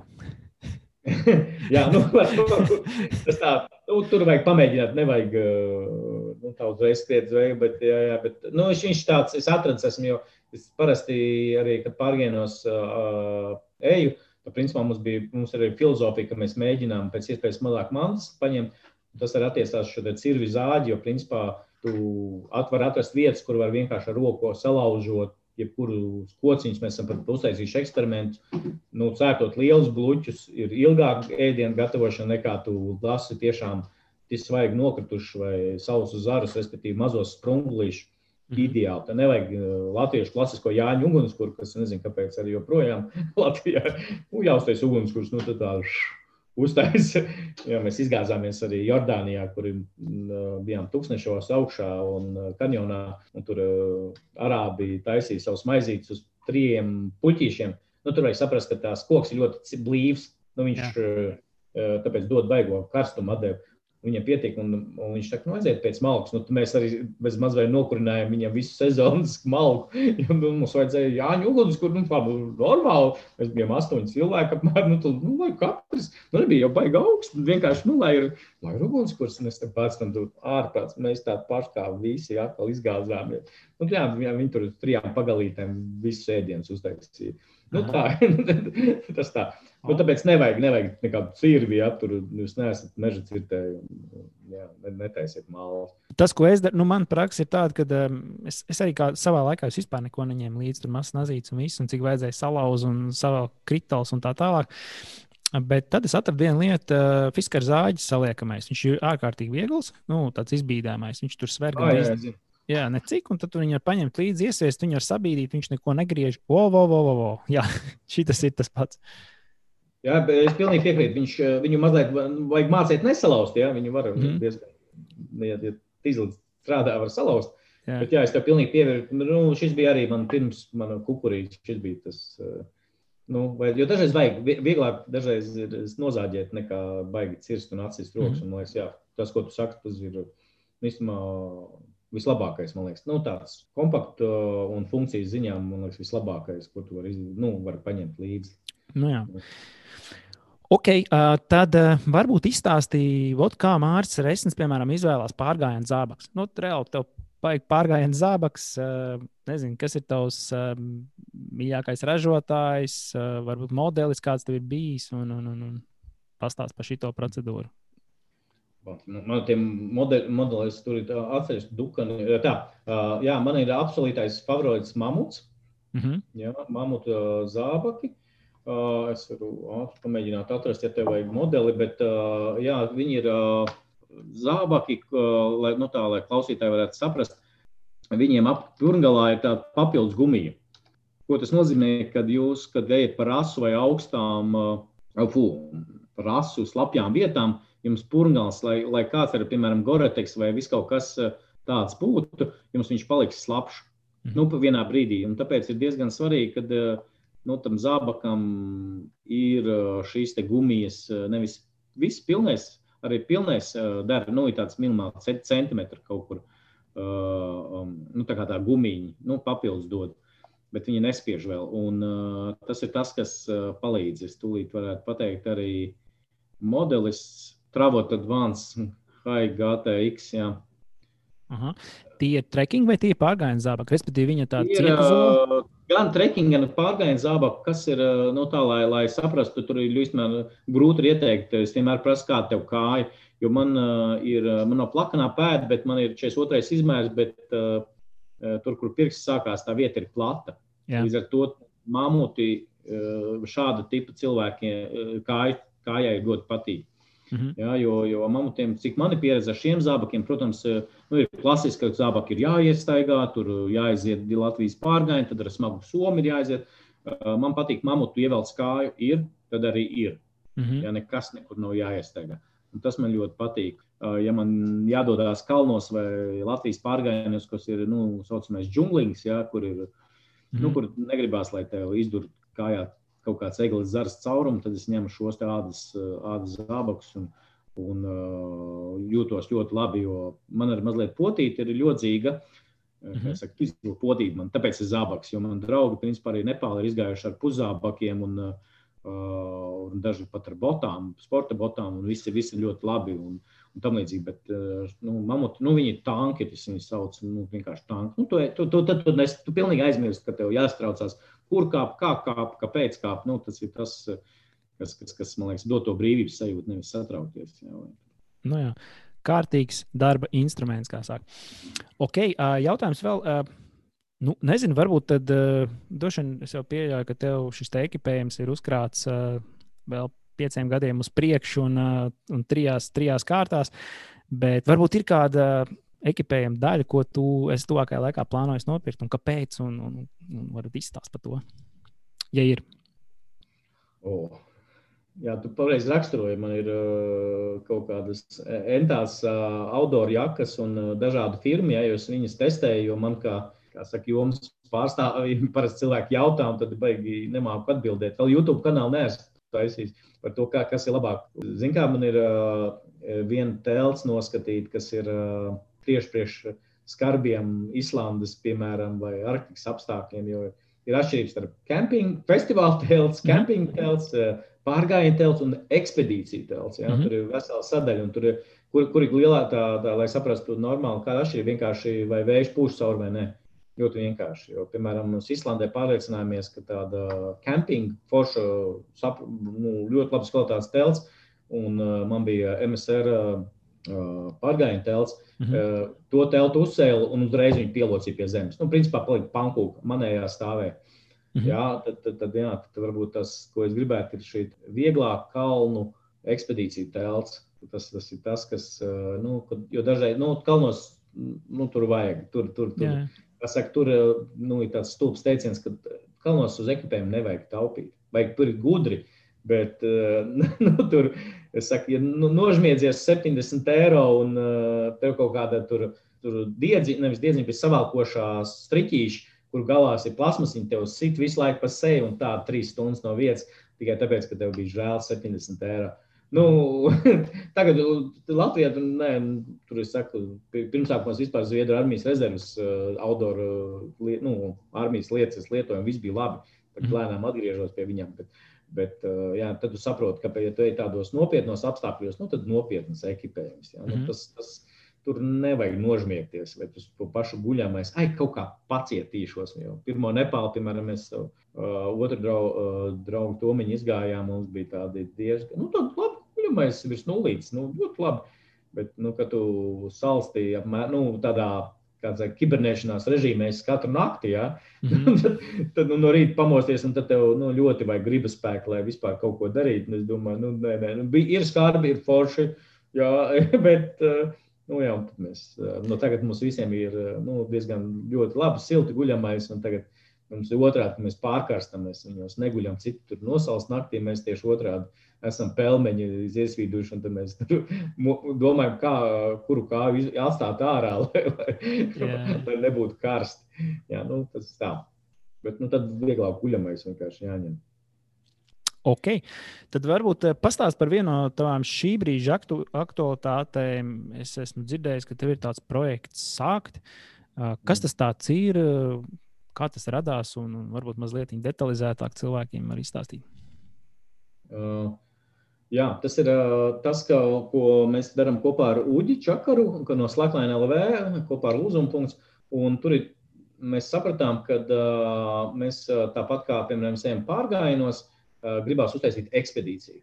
Mm -hmm. Jā, jo ir mazliet atšķirība. Pārgājiens ir tāds īsāks, un ekspedīcija jau ir nopietnāks. Tad mēs gribam uztaisīt tādu izaugsmes pēdējās ekspedīciju, vai nevis gribam, bet jau esam uztaisījuši programmu, kur apvieno divas lietas, kas ir slacklines jeb blendošana, virs zemes apmēram 70-50 cm, plus mežs un iešana, došanās ārā dabā.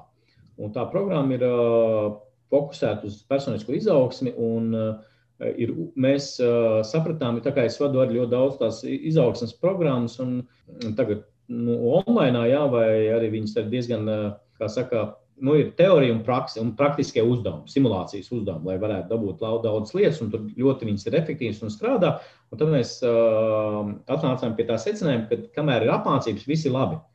Ja, visi cilvēkiem tur sanāk, viņi pārvar savu baiļu zonas, komforta zonas, viņi izdara vairāk nekā ir. Tur pazvana kādam cilvēkam, ar kuru ir konflikts, vai atrisina kaut kādas lietas, vai nosprauž jaunus mērķus. Kad viņš dodas dzīvē, tad nu, kaut kāda nenotiek. -hmm. ja? kaut, kā, nu, kaut kā nesanāk.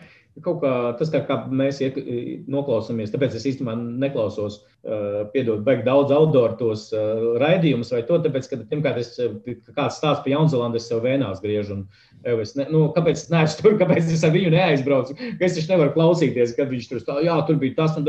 Pats ne, labāk neklausos, jo, nu, zin kā, pats nevar vairs pastrādāt tajā dienā un čau. Un, nu, es vienkārši nevaru klausīties, man pašam gribās tur būt. Mm -hmm. Grafiku neskatos, tāpēc nu, kaut kā pirms tam skatījos. Nu, tā, nu, nevar noskatīties tādu skatu, nu, kā, kāpēc tur Āfrikā pie kaut kādiem gumijkokiem es neesmu. Nu, kāpēc neesmu tur aizbraucis? Nu, tā. Un, jā, un tad mēs sapratām, ka tai dzīvē viss ir savādāk, un mēs izdomājām 12 nedēļu programmu, kur laikā mēs cilvēkiem uh, dosim divus virzienus. Uh, pirmais - došanās dabā, kā sākt, kā doties, kā redzēt, kā atklāt kā atklāt nezināmo gan dabā, bet īstenībā sevī. Un otrs ir uh, par, par līdzsvaru vai darbs iekšēji. Tas ir uz slaklāņa. Jā, arī tu dodies dabā, vēro, mēģini ieraudzīt, uh, sajust, saprast. Tad uh, uz lentes īstenībā rāda, ka cilvēki iet, liekas, ka tas ir fiziska darbība, bet īstenībā tas ir atgriežamies atpakaļ pie iekšējā miera, pie mhm. atbrīvošanās stresa situācijās un elpošanas kas ir pamat, pamat vajadzība cilvēkiem. Un, kā, kā tu pats teici, tas ir viens no galvenajiem. Ja cilvēki iemācītos elpot, viņi ļoti daudz dzīvē sasniegt. Un šajā mm -hmm. gadījumā arī iemācīties noturēt līdzsvaru un uh, saprast, kas notiek tavā ķermenī. Ka īstenībā, ko mēs darām spriedzes situācijā, parasti mēs nu, saņemamies vai nu, tāds nu, saspringstam īstenībā uz lentes. Ja tu saņemies un saspringst, tu krīti nost, ka īstenībā tev ir jāatbrīvojas. Līdz ar to ir asinsrites, tu vari pieņemt lēmumus, tu vari taisīt, sākt trikus taisīt. Un tas ir tāds ļoti iekšējais izaugsmas process. Un mēs gribam dot cilvēkiem šos uzdevumus, gan dabā, gan uz slaklaina, lai viņi izaugtu uzreiz un savā vidē, savā vietā. Viņš būs pieejams, nu, tā, tā, tā atšķirība no parasti grupās, un tur kaut kādā meža vidū, un to darām tam līdzīgi. Tagad katrs cilvēks darīs individuāli, un, un, protams, ar grupas virtuālo atbalstu, un, un arī cerams, drīz fizisko. nu, drīkstēs sapulcēties un kopā, bet tā, tā ideja ir, ka cilvēki mēģina paši un uzreiz nevis zināšanas un prakse, bet prakse un pēc tam paralēli zināšanas. Nu, tā, kad, kad vispirms darām un tad domājam, kaut gan nu, parasti dzīvē, ne, ne vispirms padomā un tad dari. Ne, šis nav tāds izaugsmes, personiski izaugsmē nav, jo, jo cilvēki lielākā problēma, kad vai nu viņi domā par daudz, vai viņiem par daudz emocijas. Tāpēc viņi neizdara ļoti daudz lietas. Un šī programma ir sāk no otra izdarīt, un tas saprast. Tāpat kā piedzīvojumos, nu, parasti baigi nav filozofija. Tur tie situācijas pats zina, notiek. Viņas ir jārisina. Ja? Tu, tu nevari teorētiski, ka nu, jā, tur mums būs divi gadījumi, kur mums uh, saplīsīs riepa, mēs apmaldīsimies vai mums atteiks viesnīcu. Ja? Esam sagatavoti, esam uh, nostādām sevi psiholoģiski pareizā stāvā. Nu, nav tā, tev ir situācija, viss ir izsina vai, vai nezinu, pārējai ciet, uh, upe norāva uz tiltu nu, visi risina. Jā, visi mm. risina. Jā, ēdienu neatnes, visi, visi pār grib ēst, un ēdienas nav. Nu, viss jārisina. Nu, viss, tas ir, un, un pēc tam, protams, tas ir svarīgi apzināties un saprast, kas notika. Kas notika gan sevī, gan apkārt, un līdz ar to mācīties no tā. Nu, tā, tā mācīšanās ir no tās pieredzes, no aktīvās emocionālās pieredzes. Jo, jo nu, mēs varam skatīties to, tos pašus tetoks, nu, forši iedvesmojoši, bet nezinu, kāpēc. Uh, Mm -hmm. Tik daudz ir skaistu runu un iedvesmojušu lietas, bet uh, nekas nenotiek. Pēc nosaukuma sāk darīt, nu, tā kā izdara un tad. Bet ir dzīvē, kur jādomā, ja ne, nevajag tā paņemt šo kā nu, modeli. cik nu, laika ziņā, cik tas aizņem? Nu, es saprotu, tur ir kaut kur jādodas, kaut kas ir jādara. Tas ir vienreiz, vai tas ir kaut kāds periods? Vai... Katru nedēļu ir savi uzdevumi gan uz lentes, gan uz, uz mežu. Un, principā, tas aizņem nu, kaut kādas četras stundas katrai lietai, nu, principā astoņas stundas nedēļā. Protams, ir aicinājums darīt bonusā vairāk, un tur, piemēram, nu, var jau pateikt priekšā, nu, noslēpumu, ka no sākuma mēs dodamies uh, vienkārši, piemēram, uz 30 uh, minūtēm izpētēji apkārtnes. Un tur pie beigām, kad jums ir uh, nu, tāds izai, viens no izaicinājumiem, uzdevums, piemēram, ir aizmigt dabā. Es, nu, mums ar tevi, man liekas, tur, kur tieši ir izaicinājums, kas tur ir. Bet uh, vienkārši vienkārši aizmigt, nu, pats varbūt atceries eh, pieredzi, kad pirmo reizi bija jāaizmigt. Kad naktī dabā parādās citi trokšņi. Un, jā, jā. Nezinu, kāpēc tā jāguļ, bet ne, vai svešā vietā, ja? kas tur izrādās beigās bācis ēzis tev blakus, čabinājās, tev likās, jau tā ir meža cūka, visi jāceļās, jāmet degoši pagalas tajā virzienā. Nu, Un, un tas ir izaicinājums, un, protams, eh, nu, arī solo, nu, kad tu viens pats ej, nu, tas ir pilnīgi cits, pilnīgi cits stāsts. Un, un tas ir uh, priekš izaugsmes, tas iešana vienam vai došanās vienam, tas ir neizbēgams. Tad, nu, izaugsme būs, respektīvi. Nu, tur pat, pat netaisīt programmu. Nu, tā. okay. Un, uh, nu, teiksim, ar ko jārēķinās dalībniekiem? Tu teici, slackline, tad viņiem ir vajadz, atzir, tur vajag slackline pašam, vai viņš kaut kā viņu dabūs? Vai? Tas, ir, tas, ir, tas ir, protams, to mēs esam domājuši, jā, tas slackline mēs, iek, kā saka, iekļaut cenā. Okay. tas, Tā, tā, tas nāk līdzi, ja mēs dodam šos instrumentus līdzi, lai cilvēkam, nu, tad, tur, protams, ir pamācība, kā, kā siet, kā uzsiet droši, kā sākt, kā spērt tā saucamo pirmo soli. Jo, es arī, nu, kā saka, mums tā filozofija, ka mēs neko nedodam, ko mēs paši neesam pieredzējuši. Tā. Jā. Mēs neesam paši pieredzējuši, izgājuši cauri, mēs nedodam ārēku tur. Forši YouTube, baigi forši tur kaut kas. Vai iedodam.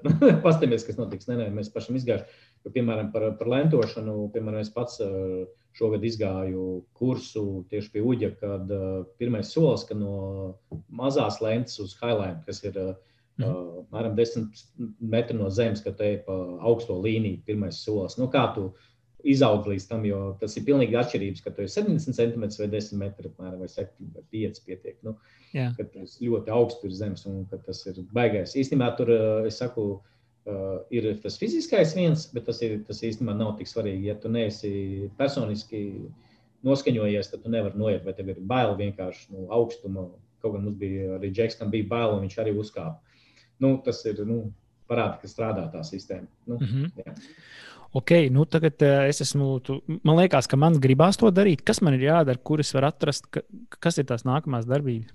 Jā, vai, vai vienkārši pieteikties. Mums uh, Lūzuma.CC Facebook lapā ir pieteikuma forma, var piesekot man, un es arī tūlīt sākšu spam, spamot, kaut gan mums jau grupa jau pildās. Mēs arī gribam saglabāt mazas grupas lielumu, jo tas atbalsts ir, nu, mazāk grupas ir efektīvāks. Viņi mm -hmm. strādā viens otru atbalstu. Un, un, uh, vai sazināties man, es atsūtīšu, vai kaut kur linku ielikšu. Mēs gribējām no sākuma redzēt kā saka, savējie, lai piesakās. Un Jā, tad, jā. tad visi, visi pārējie, ja, jo, jo, jo tomēr tas cilvēku faktors ļoti svarīgs. Nu, tāpat kā pārgājienā, ļoti svarīgi, ar ko tu ej. Tāpat arī savā izaugsmē, nu, kas tev ir blakus. Nu, tā. Bet, jā, tad vienkārši lūzuma punkts Facebook lapā, eventā var apstīties, vai sā- uzraksties, sāc darīt. Banana chill lapā arī ir apraksts. Un, un arī par mums izstāstīts, ko, kāpēc mēs vispār nu, saņēmāmies to darīt, kāda mums pieredze. Lai, lai nebūtu tā, ne, divi džeki izdomāja izdarīt, tā vai izdarīt. Nu, Jā, jā. Bet tā tas strādā. Mācāmies procesā, bet eh, nu, jā, mums tā pieredze ir liela. Tad ir šo- tagad tas vecums, ka gribās nodot tālāk, nu, padot tālāk. Saprotams. Ok, uh, varbūt var izstāstīt uh, kādu kuriozāku atgadījumu savā piedzīvojuma, vadītāja uh, vēsturē. Jā. Tikai trikīgi jautājums, tagad pastāstīt, ah, vi, viņš, kā viņš šitā izdarīja. Labi, bet jā, jā, ir, ir. Es tā baigi domāju, īstenībā, kad sēž uguns, kur baigi atcerās, bet tagad tā uh, padomāju, nē, nu, nu, tāds baigi nekas tāds. Bet īstenībā ir, viens, mēs bijām Jordānijā, tur ir kanjonis, lai saprastu, ka tur, principā, iedomāties tūkstnes, un pēkšņi plaisa zemē. Un tā plaisa īstenībā ir kanjons, ja, un tur ir zaļš, palmas, tā, un augšais smilts un kāps. Okay. Nu, Zvaigžņu karš varbūt kāds uh, ska- ir redzējis, ja, noteikti. Nu, tur tas tūkstnesis. Ja. Mhm. Jā, bet uh, īstenībā tur tūkstnesī ir plaisa, un tie ir kanjoni, un viņiem ir uh, diezgan populārs tas kanjonings. Un, protams, mēs tur uh, bijām, un ar brigādi jau vairākas dienas kanjonā, un ir jauns kanjons, jo tur ir uh, karstais ūdens un augstais ūdens, un tur ir dažādi kanjoni. Un ir baigi labais kanjons, kaut kāds atradām, baigi, baigi labo jāaiziet. Un tagad visus attaisamies, un uh, bija tā, ka bija kaut kāda piektā diena, un divi cilvēki bija saguruši. Viņi teica, mums vajag pauzi, iest kebabus un atpūsties. Jo, jo mums diezgan intensīvi tur. Nu, mēs paši instruktori ejam, mums ir tur, nu, tā ir sporta nometne, tad smagā izpausmē. Tur, principā, visu laiku tiek kaut kas darīts, nevis atpūtā nav. Un tad mēs, oh, reku, kanjons jālaiž, un tie divi cilvēki laimīgi aizbraucam uz kanjonu sākumu vietu. Divi cilvēki aizbrauc ar mašīnām, paēst un atpūsties, un mēs dodamies tur ar visām ķiverēm, ek, eh, sistēmām, dodamies uz kanjonu. Nu, un uh, nonākam pie starta punkta, un tad mēs saprotam, ka mēs esam finiša punktā. Tiem, kas nezina, kas ir kanjons, tad nu, iet principā, no, no augšas uz leju, vai ne? Neiet, nu, dažreiz iet pretēji, bet principā mēs bijām finiša punktā, un tas nebija fiziski iespējams iet pretējā virzienā. Nu, respektīvi, mēs bijām aizbraukuši uz finišu. un Tad mēs zvanījām tiem diviem eh, cilvēkiem, ka, ej, brauciet pa- atpakaļ. Viņi jau paņēmuši kebabu, jau ēdu. Mēs nu, visi, visi ļoti gudri instruktori, visi forši, bet zinām, ka tā ir savējiem. Tad tur, nu, kā, nu, reku kanjons, reku, ah, nē, šitien vieglāk piebraukt, bet nepadomā, nu, tā kā Jā, jā. nenoķērām, ka mēs uh, nu, izdarām klasisko kļūdu, ka ne, ne, nepaskatījāmies, kur ir starts. Nu, respektīvi, mēs nonācām finišu. Nu, piemēram, pārgājienā, jūs aizbraucat uz finišu vietu. Nu, jā, pārgājiens beidzies. Viss, mēs esam finišā. Un tad tik, tik, tik stulbi, un viss tā stāv, viss ir rēts. Un saprot, tā, tādi losīši. Nu, nu, tik stulbi, kā visi lieli instruktori. Beigās, nu, vienkārši. Nē, nu, mēs, mēs, mēs iesēdāmies mašīnā, protams, apbraucām apkārt. Pa, pakāsām pusdienu un naktī. Tas bija cits piedzīvojums. Nācām ārā no tā kanjona, kas nav sevišķi gudri, bet uh, jā, tas bija nu, baigi smieklīgi. Džeki vienkārši aizbrauc kanjonam otrā galā. nu, jā, tas tāds. Ok, un tad varbūt uh, iedod kaut ko pretēju. Es nezinu, kāds nevis stingzinošākais piedzīvojums, kurā likās, o, o, nu gan būs. Jā, nu, tas, eh, tas arī notika mums brigādē. Mums ir nu, tāda nu, tradīcija, ka mēs instruktori arējam, jo, jo instruktoram, kā, kā outdoor instruktoram, divreiz vairāk jāvar. Jā, jā, nu, tādā ziņā, ja, piemēram, tā, tā pašā Nepālā ir uh, normālais maršruts pēc normāliem cilvēkiem, un, un tad mēs ejam instruktori, tad mēs ejam nu, latiņu augstāk. Nu, ir divas nedēļas instruktori vai cilvēki, kas ir spēcīgāki. Un, Un tad mēs tur baigi neauklējamies. Ja tur, ne, nu, tur, ah, nu, tev tur vēderiņš, ne, nu, vi- visi jāiet. Nu, tur tāds skarbāks. Tad mums katru gadu ir arī tāds, un tad mēs bijām Albānijā. Balkāns ir cita neatklāta vieta. Tur ir tādi kalni, nu, uz no vietām, kur mīnus nevajag iet, ja? bet tur ir, nu, principā tepat Eiropā div, nu, diezgan ātri var nokļūt ar busu. Un mēs bijām Albānijā, Melkānē, un uh, aizmirst, kā to vietu sauc, bija mēs pusi komandu izdomājām, ka tiem, kas nu, mazliet slima tiem kalniem, viņi grib iziet kalnu apli un pārējie vienkārši grib uh, pie upes pasēdēt un pastaigāt turpat pa takām. Un, mums bija plānots pārgājiens uz sešām stundām. Mēs, tā kā mēs nu, ir instruktoru komanda, tad, protams, ieslēdzās tas, ka ir jāsasniedz tās lietas, ko tu jau nospraudzi. Mm -hmm. Un mēs ejam, mēs redzam, ka teorētiski var paspēt, uzkāpt un nokāpt, bet nāk kaut kāds tur vējš baigais un, un migla. Nu, kas nozīmē, nedrīkst. Nu, tas nozīmē, ja mēs būtu gājuši normāli cilvēkiem, mēs noteikti uzreiz būtu ap, tur nebūtu diskusija. Bet tā kā mēs bijām instruktori, un pēc prognozes izskatījās, ka mēs ķipa varam paspēt, mēs arī nu, nolēmām, ka mēs varam paspēt. un, uh, respektīvi, kad mēs nonācām augšā, bija uh, migla, un tur, uh, nezinu, tiem kalniem specifiski tādas, tādas milzīgas bedres, tādas uh, kalni, kā, bet ir bedres, akmens bedres, nu, kuras, kurās var iekrist, un uh, mēs nolēmām kā Um, turpināt ceļu un uh, būt uzmanīgiem. Protams, tur bija gan daži nogruvumi, gan nevarēja īsti redzēt miglā, bet nolēmām, ka iesim. Un tad bija viens brīdis, kad mēs nokļūdījāmies principā lēmumu pieņemšanā pa desmit metriem. Respektīvi, aizgājām kalnam nevis pa labo, bet pa kreiso pusi, mm -hmm. kas uh, mums iedeva pārgājienam vēl plus 6 stundas četri, ne, četras, četras, četras piedošana, nolai, no, nokāpšanu pa nezināmas upes kanjonu bez uh, ekipējuma. Vienkārši nu, tāpēc, ka strauta precīzāk tā nebija upe, bet nu, principā mēs nezinājām, kur mēs ejam, kas ir, nu, ko mēs parasti nedarām. Bet tā kā mums bija, kā jau saka, visi instruktori, viss bija nu, tajā, zināt, drošības zonā vēl. Mēs mm -hmm. nolēmām, nezinu, kāpēc to, to apli tomēr iet, nevis doties atpakaļ, kur tās bedres. Nu, mēs pieņēmām, ka mazāko ļaunumu, kad Un tad bija tas, kad naktis, nezināms kanjons, nezināma vieta, kāpām.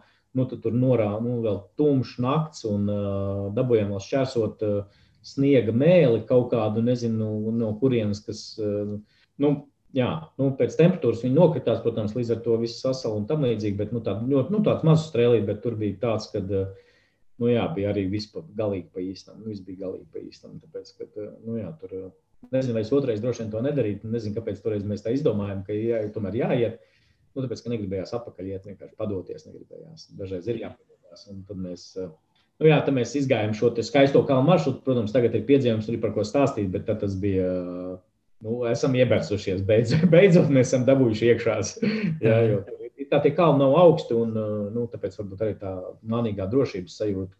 Kaut kā, nu, ja kā viss bija droši, ja būtu normāls laiks, un tā, tur droši vien būtu foršs piedzīvojums, bet tā tur bija jau tuvu tai melnējai zonai, melnējam strumam, ka saprot, o, o, nu arī jā, nu jau 12 stundas tur ūdens beidzies, ēdiens beidzies, nu tā ir ieberziens. Bet, nu, izturējām līdz galam, viss kārtībā. Nu, jau viss...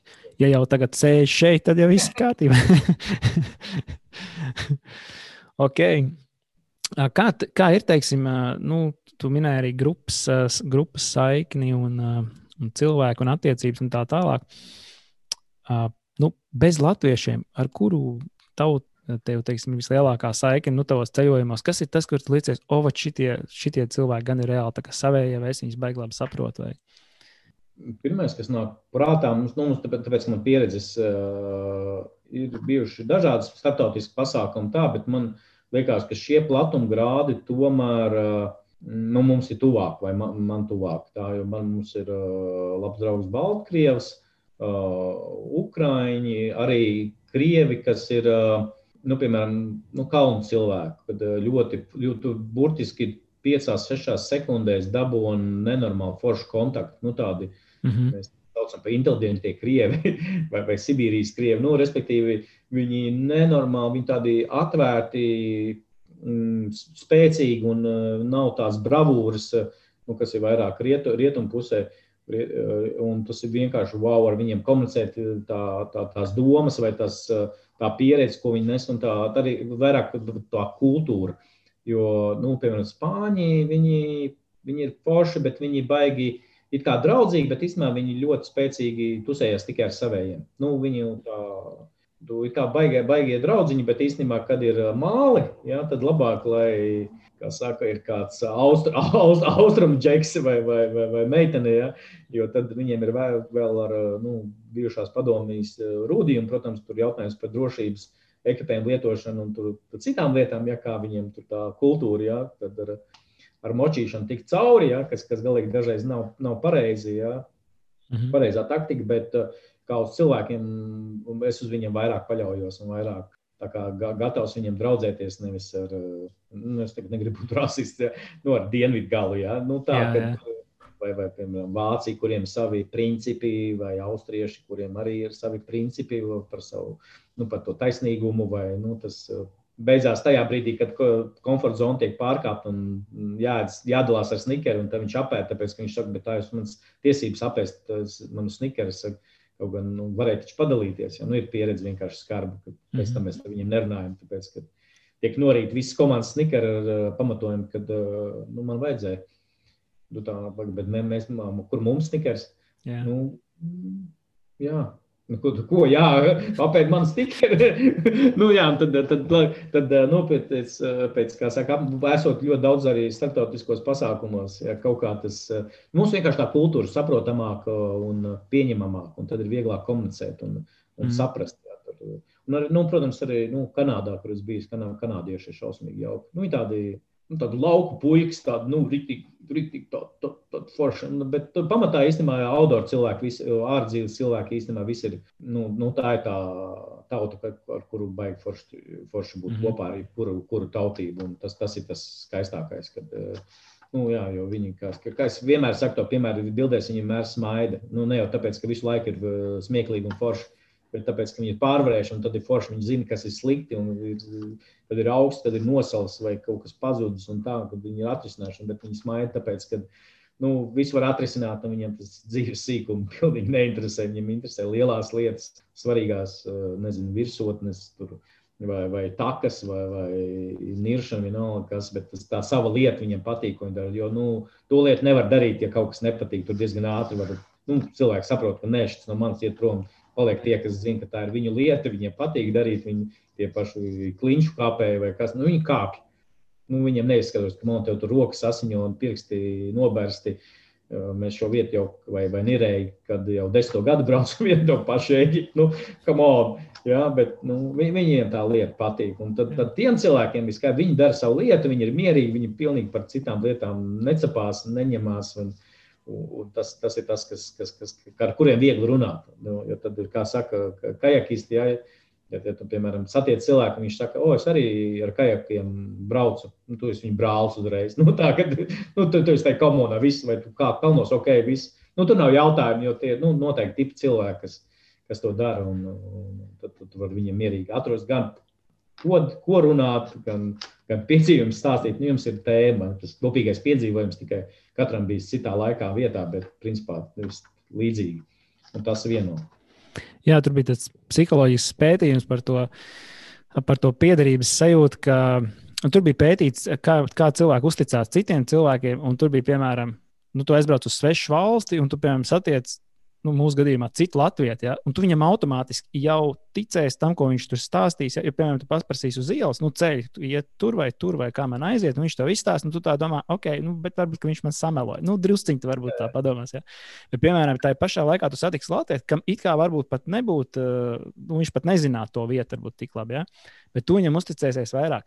Vēl vairāk, ja viņš, piemēram, pateiks, ka viņš ir no tavas teiksim, puses, ja, piemēram, nezinu, no kurzemes vai no saldas, tu viņam vispār ticēsi uz vārdu. Ja, teiksim, jā, un tā līdzīgi, man liekas, šeit arī nu, teiksim, tur ir kopīgas lietas, kopīgi kaut kādi jautājumi, un tev uzreiz ir uzticamība pret to cilvēku, tāpēc, ka jūs darat kaut kādu kopīgu lietu, un tad nu, jūs esat kā brāļi jau gandrīz. Tas tāds, mm. tas tāds moments, jā. Top trīs lietas tavā bucket listā. Jā, tas, tas jautājums tāds ir labs. Es zinu, ka jā, jaunais gads, un tad mm -hmm. īstenībā es uh, kaut kādā dīvainā cilvēka liekas viņiem, ka man, man ir šausmīgi baigie mērķis konkrētie, kas ir, man ir, kā saka, konkrēti sapņi, bet tad, ja bucket listā pirmais ir uh, turpināt darīt to, kas man patīk, tajā brīdī. Nu, tas neizklausās pēc tāda konkrēta, bet tas ir tāds baigi labais princips, jo tas tev liek visu laiku pārliecināties, ka tu tiešām dari to, kas tev patīk. Mm -hmm.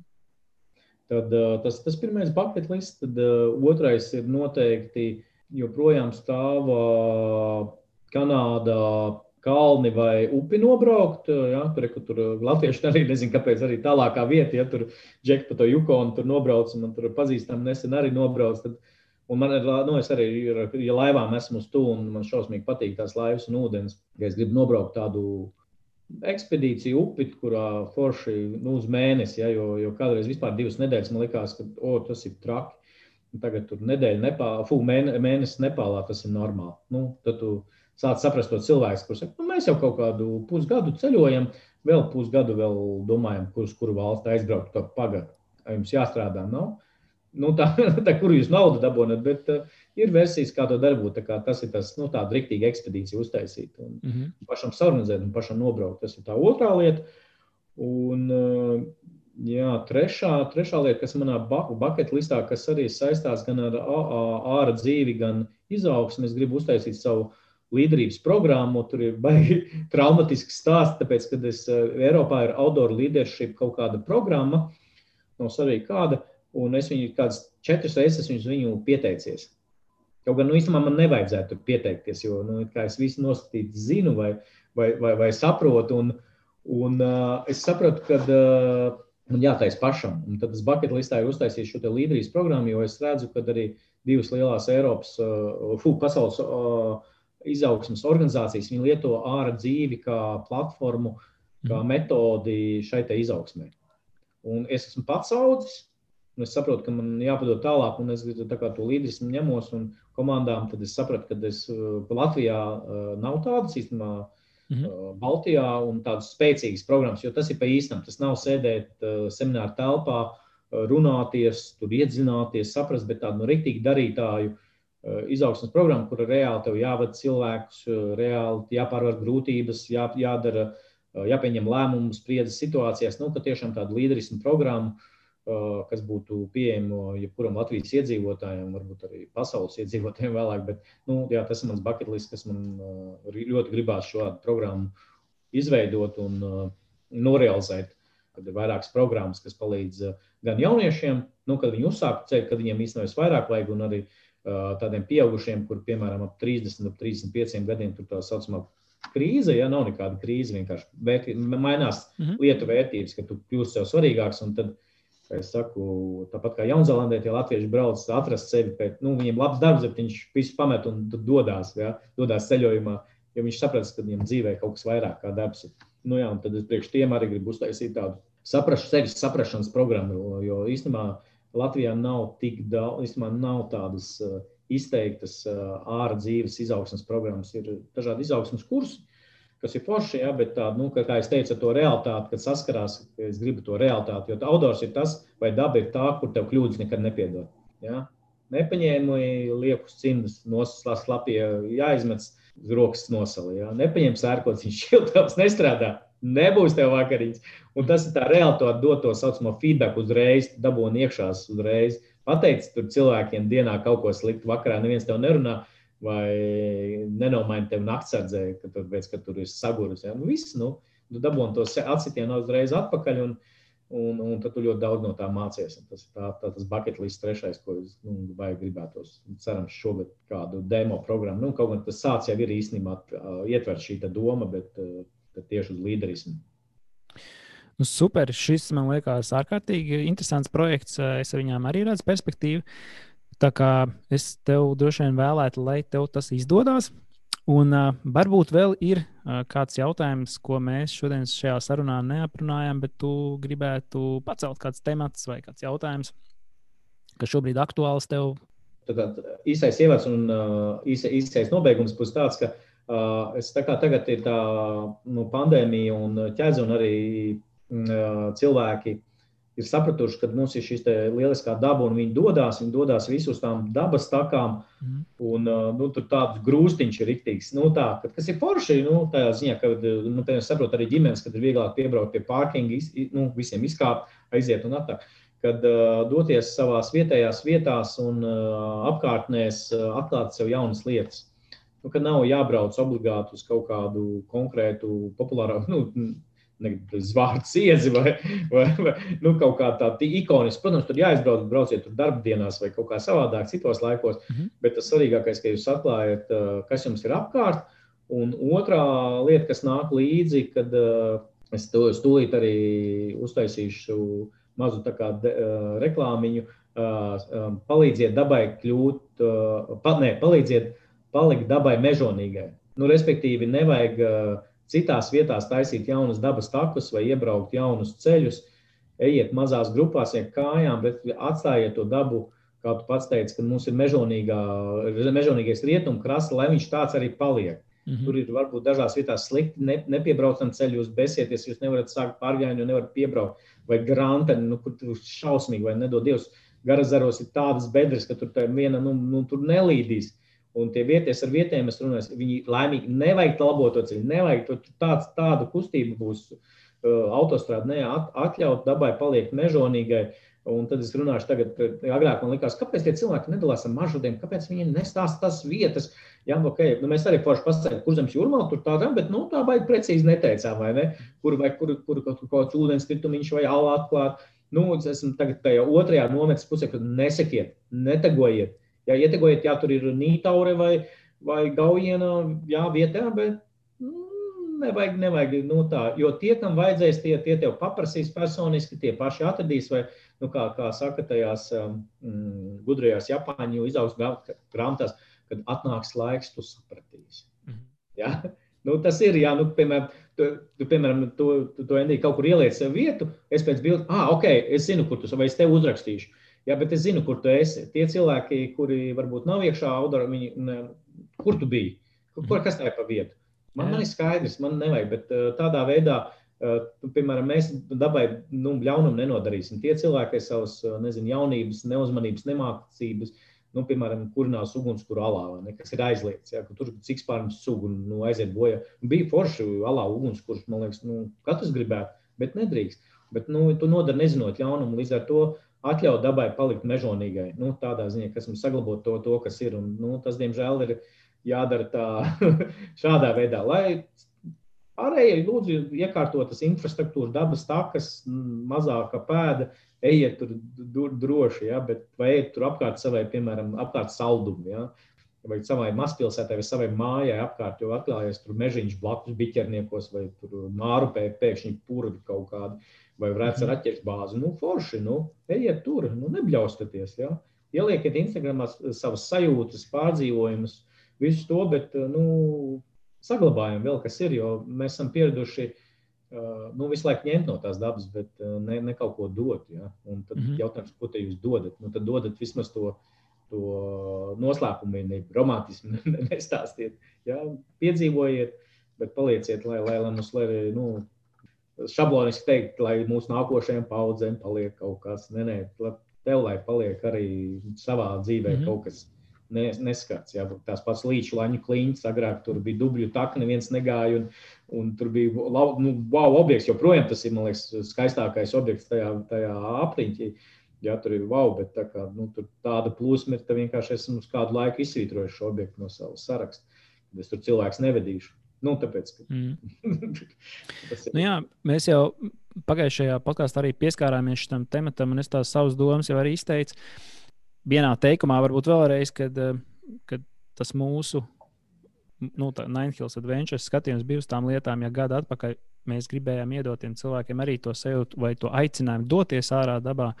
Tad šobrīd mēs redzam, kā tas Covid mums ir palīdzējis to izdarīt īstenībā. Un šobrīd cilvēki arī tiešām pastiprināti dodas ārā dabā, bet tagad tas jautājums ir, kā viņus, nu, ja mēs ņemam Latviju, ja mēs varam pārvērtēties Latvijā, kā viņus distributēt pa to Latviju, ja vienādi, lai nu, nebūtu tas nospiedums tikai uz viens. Un es arī saprotu tos cilvēkus, ka tajā brīdī, kad viņš tikko iet ārā, nu, viņš jau arī grib saprast, ok, uz kuriem man braukt, un es saprotu, kā viņš meklē un kā viņš aiziet līdz tam, uz kuriem braukt. Un, protams, tas ir tuvāk Rīgai, jo te ir tas lielākā infrastruktūra, nu, teiksim, lielākais iedzīvotāju blīvums. Un, Un, un skaidrs, bet man tas jautājums ir, kā, kā, to, kā to atrisināt. Jo, ok, mēs tur aicinām nemest Atkritumus dabā pašsaprotami, ja tur neskrāpēt kaut kādas klīnas, nu, kas man liekas, vispār tas ir kaut kāds audzināšanas jautājums, ne, ne, pat, eh, ne pat tāds eh, kaut kāds citu veidu jautājums. Ja.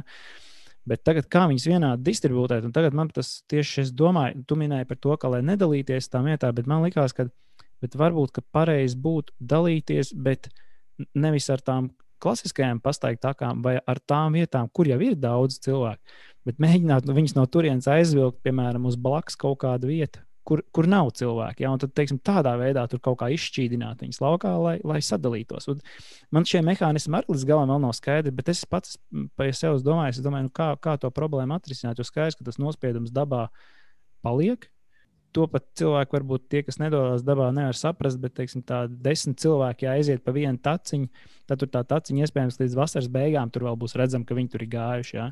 Nu, kad, kad īstenībā liekas, nu, bācis es jau te aiziešu, vai tur vēl kāds aizies, nekas jau nebūs, bet īstenībā diezgan šie nospiedumi paliek, un ja mēs tur runājam par simtiem cilvēku, tad vispār.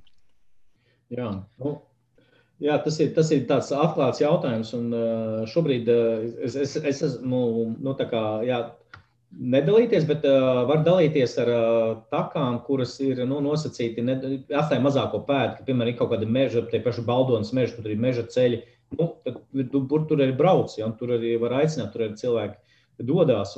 Tas, uh, esmu tas uh, Livno Treis uh, skolas piekritējis, kad nu, tu prasīji, kā to izdarīt. Un domāju, nu, jā, viņi ir atnākuši, viņiem ir uh, uh, ilgāka pieredze, un viņiem ir 90% izglītošana, 10% aizliegumu ierobežojumu. Jo mhm. ar aizliegumiem ierobežojumiem, kā mēs zinām, nu, visiem pie vienas vietas, nu, tie godīgi. Nu, ja mē, mēs nemetīsim zemē, bet kaut kādam gaujas laivotājam sāc runāt, ka nevajag galvas pudeles gluži mest gaujā vai atstāt. Nu, tur ilgi paies tas mm. mācību moments, bet kļūst labāk, ir foršāk.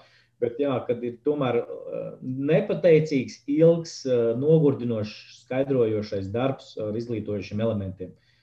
Tas nebūs uzreiz, bet būs. Protams, ļoti grūti cīnīties, jo es, piemēram, arī saku, nu, nekas jau tā plasmas pudele, kad tā plasmas pudele tur mētājas mežai godīgi, ne, ja, ja korķītis iet, ja, nelien dzīvnieci iekšā. Uh, nu, nu, nu, nekas jau slikts tur ne, dabai nenotiek. Notiek, tad, piemēram, kad tur šampūnu mazgā matus gaujā. Ja, tas gan ir slikti. Mm -hmm. Vai kad eļļa izlīst tev un tur sagoja augstu, un tur neaug zemes pēc tam meža. Jā, tas ir sliktāk nekā kaut kāda pudele, bet, protams, eh, ar to izpratni, eh, ar savu personisko piemēru, plus mēģinot, piemēram, tā kā tu forši taisīt podkāstus, nu, kad mēs skaidrojam, ka kādam cilvēkam pielāgs, jo man arī likās, kā tā var nesaprast, ka atkritumus eh, nevar mest vai, vai riepas nevar dedzināt. Un, uh, Man bija starptaut, es vadīju starptautisku apmācību, un pēc tam atnāca grūzīņu puisis un teica, Mārta, tev jāatbrauc uz Grūziju.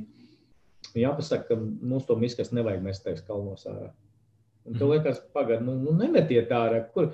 Bet uh, kamēr tā domāšana mainās, nu, cilvēkiem vajag tos piemērus vai tos stāstus, vai kāds, kas pasaka, ka tā, tā, tā nevajag, jo ir tā ietekme. Un tas man likās tā aizdomāties, ka nu, nepietiek ar to, ka uh, tu tikai tur sarāji kādu, vienu, divus vai kaut ko nu, tādu ilgāk un vairāk. Un, un, un tas, tas, tas, tas, tas, tas cilvēki ir gatavi. Viņi, viņi vienkārši ne, nu, kaut kā nepielica vai, vai nezināja, ja? vai, vai tagad tas neko atnes, to aiznes. Nu, tas ir mēģināt principu iedzīvināt.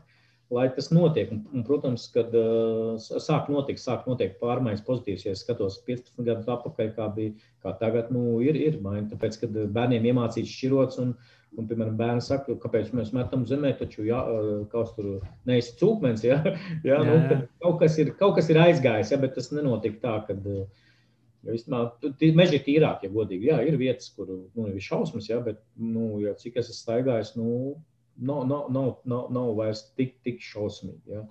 Mazāk sēņo varbūt vai ogu. Jā, jā var, vai neņem līdzi nav naudas. Jā, jā. jā, krogā. Ok, super. Man ļoti bija liels prieks parunāties ar tevi. Bet es domāju, uz šīs skaistās nots mēs tad arī varētu likt punktu šodien. Lai jau tev sanāk šis Antarktīdas, Antarktīdas brauciens, ko es atdzirdēju, ja, un tas lista trešais punkts ar, ar programmu, man liekas, tas arī ļoti spēcīgs pasākums. Es pat arī labprāt ņemtu dalību šādā te projektā. Tā kā Tā kā cerams, ka tev sanāks, nu, cerams, ka mēs tur arī tiekamies. Mm. Tā kā teikšu tev lielu paldies. Paldies, ka piekrīt parunāties. Nu, un tiekamies tad. Mežā. Vai outdoorā? Ja. ārā. Tiekamies patiesībā ārā. Jā, paldies, Endī, ka uzaicināji. Baigi forši, ko tu esi aizsācis un dari. Man liekas, vajag vairāk šos stāstniekus, jo tas saucamais storytelling vai stāstu stāstīšana ir Es pats šo tehniku izmantoju, un tas ir viens no lietām, kas īstenībā mums pietrūks tieši par šīm tēmām. Un, Un, protams, skaistā dzīvē tas būtu, ka mēs visi sēdētu pie ugunskura, tie, kas tagad klausās, un mēs nu, runātu, un tas būtu vēl romantiskāk, vai ne? Bet man liekas, ka tiem stāstiem ir jābūt, jo, jo ja mēs skatāmies pirmotnībā un atpakaļ augu cilvēku, principā tā ir tās zināšanas un tās pieredzes nodotas, kad uh, tur, kā saka, mednieki runāja, un tad jaunie mednieki klausījās, ka tur gan tos piedzīvojumus stāstus, tad tam līdzīgi. Un tas ir tāds, eh, nu, arī meitenes, lai neapvainojas, ja arī meitenes klaus, klausījās, ja, kad ir mhm. piedzīvojumi, kad viņi tur devušies kaut kur gandrīz nosaluši un atgriezušies ar uh, nomedītu mamutu. Un, un, tas, un tas viņus iedvesmo un viņiem liek darīt doties. Ja, un, ja mēs nedzirdam šo stāstu, tad mums liekas, ka uh, nu, vairāk pa internetu datorspēlēm nekas dzīvē nav. Un tad pēkšņi izrādās, oh, Reku, turiet, un turiet, un reku, Endijs iet, Mārs iet, un vēl kāds iet. Ah, bet bet, bet tā ir pamēģinām. Izskatās, baigi forši. Tu dzirdi to stāstu, diezgan pieredzi, un tad tas tev nu, to lēmumu, vai sēdēt divānā, vai tomēr nu, aizbrauksim uz tiem pašiem purvu laipu, nu aizbraucam, nu labi, uztaisīs bildes, būs labas. Jā, bet tas lēnām tev ievelk tajā, un tad tie cilvēki arī, es domāju, arī rodās izpratne un tā vilkme, ja, pamēģināt vairāk, jo, jo man ir pieredze, jā, ka cilvēki 30 gados pēkšņi atklāja, ka wow, var doties kalnos. Tas ir vienkārši, un to var arī bez ekipējuma, bez skābekļa balona vai tam Everest kampu, Everest bāzes nometni sasniegt. Ja? Wow, jādodas, vai tu saki, reku, foršus, irbis ir foršs iešana gar jūnu, ah, es visu mūžu esmu tur domājis. Un tu vienkārši Endijs paņēma, izgāja. Nu, viss, nu, ej, ej, ko tas ir sliktāks par Endiju? Nē, nu, ej. nu, forši, tas man liekas, baigi iedvesmu. Tā kā paldies tev!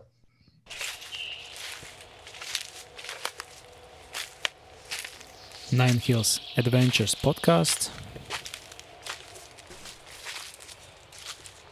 Pārgājieni, piedzīvojumi, cilvēki.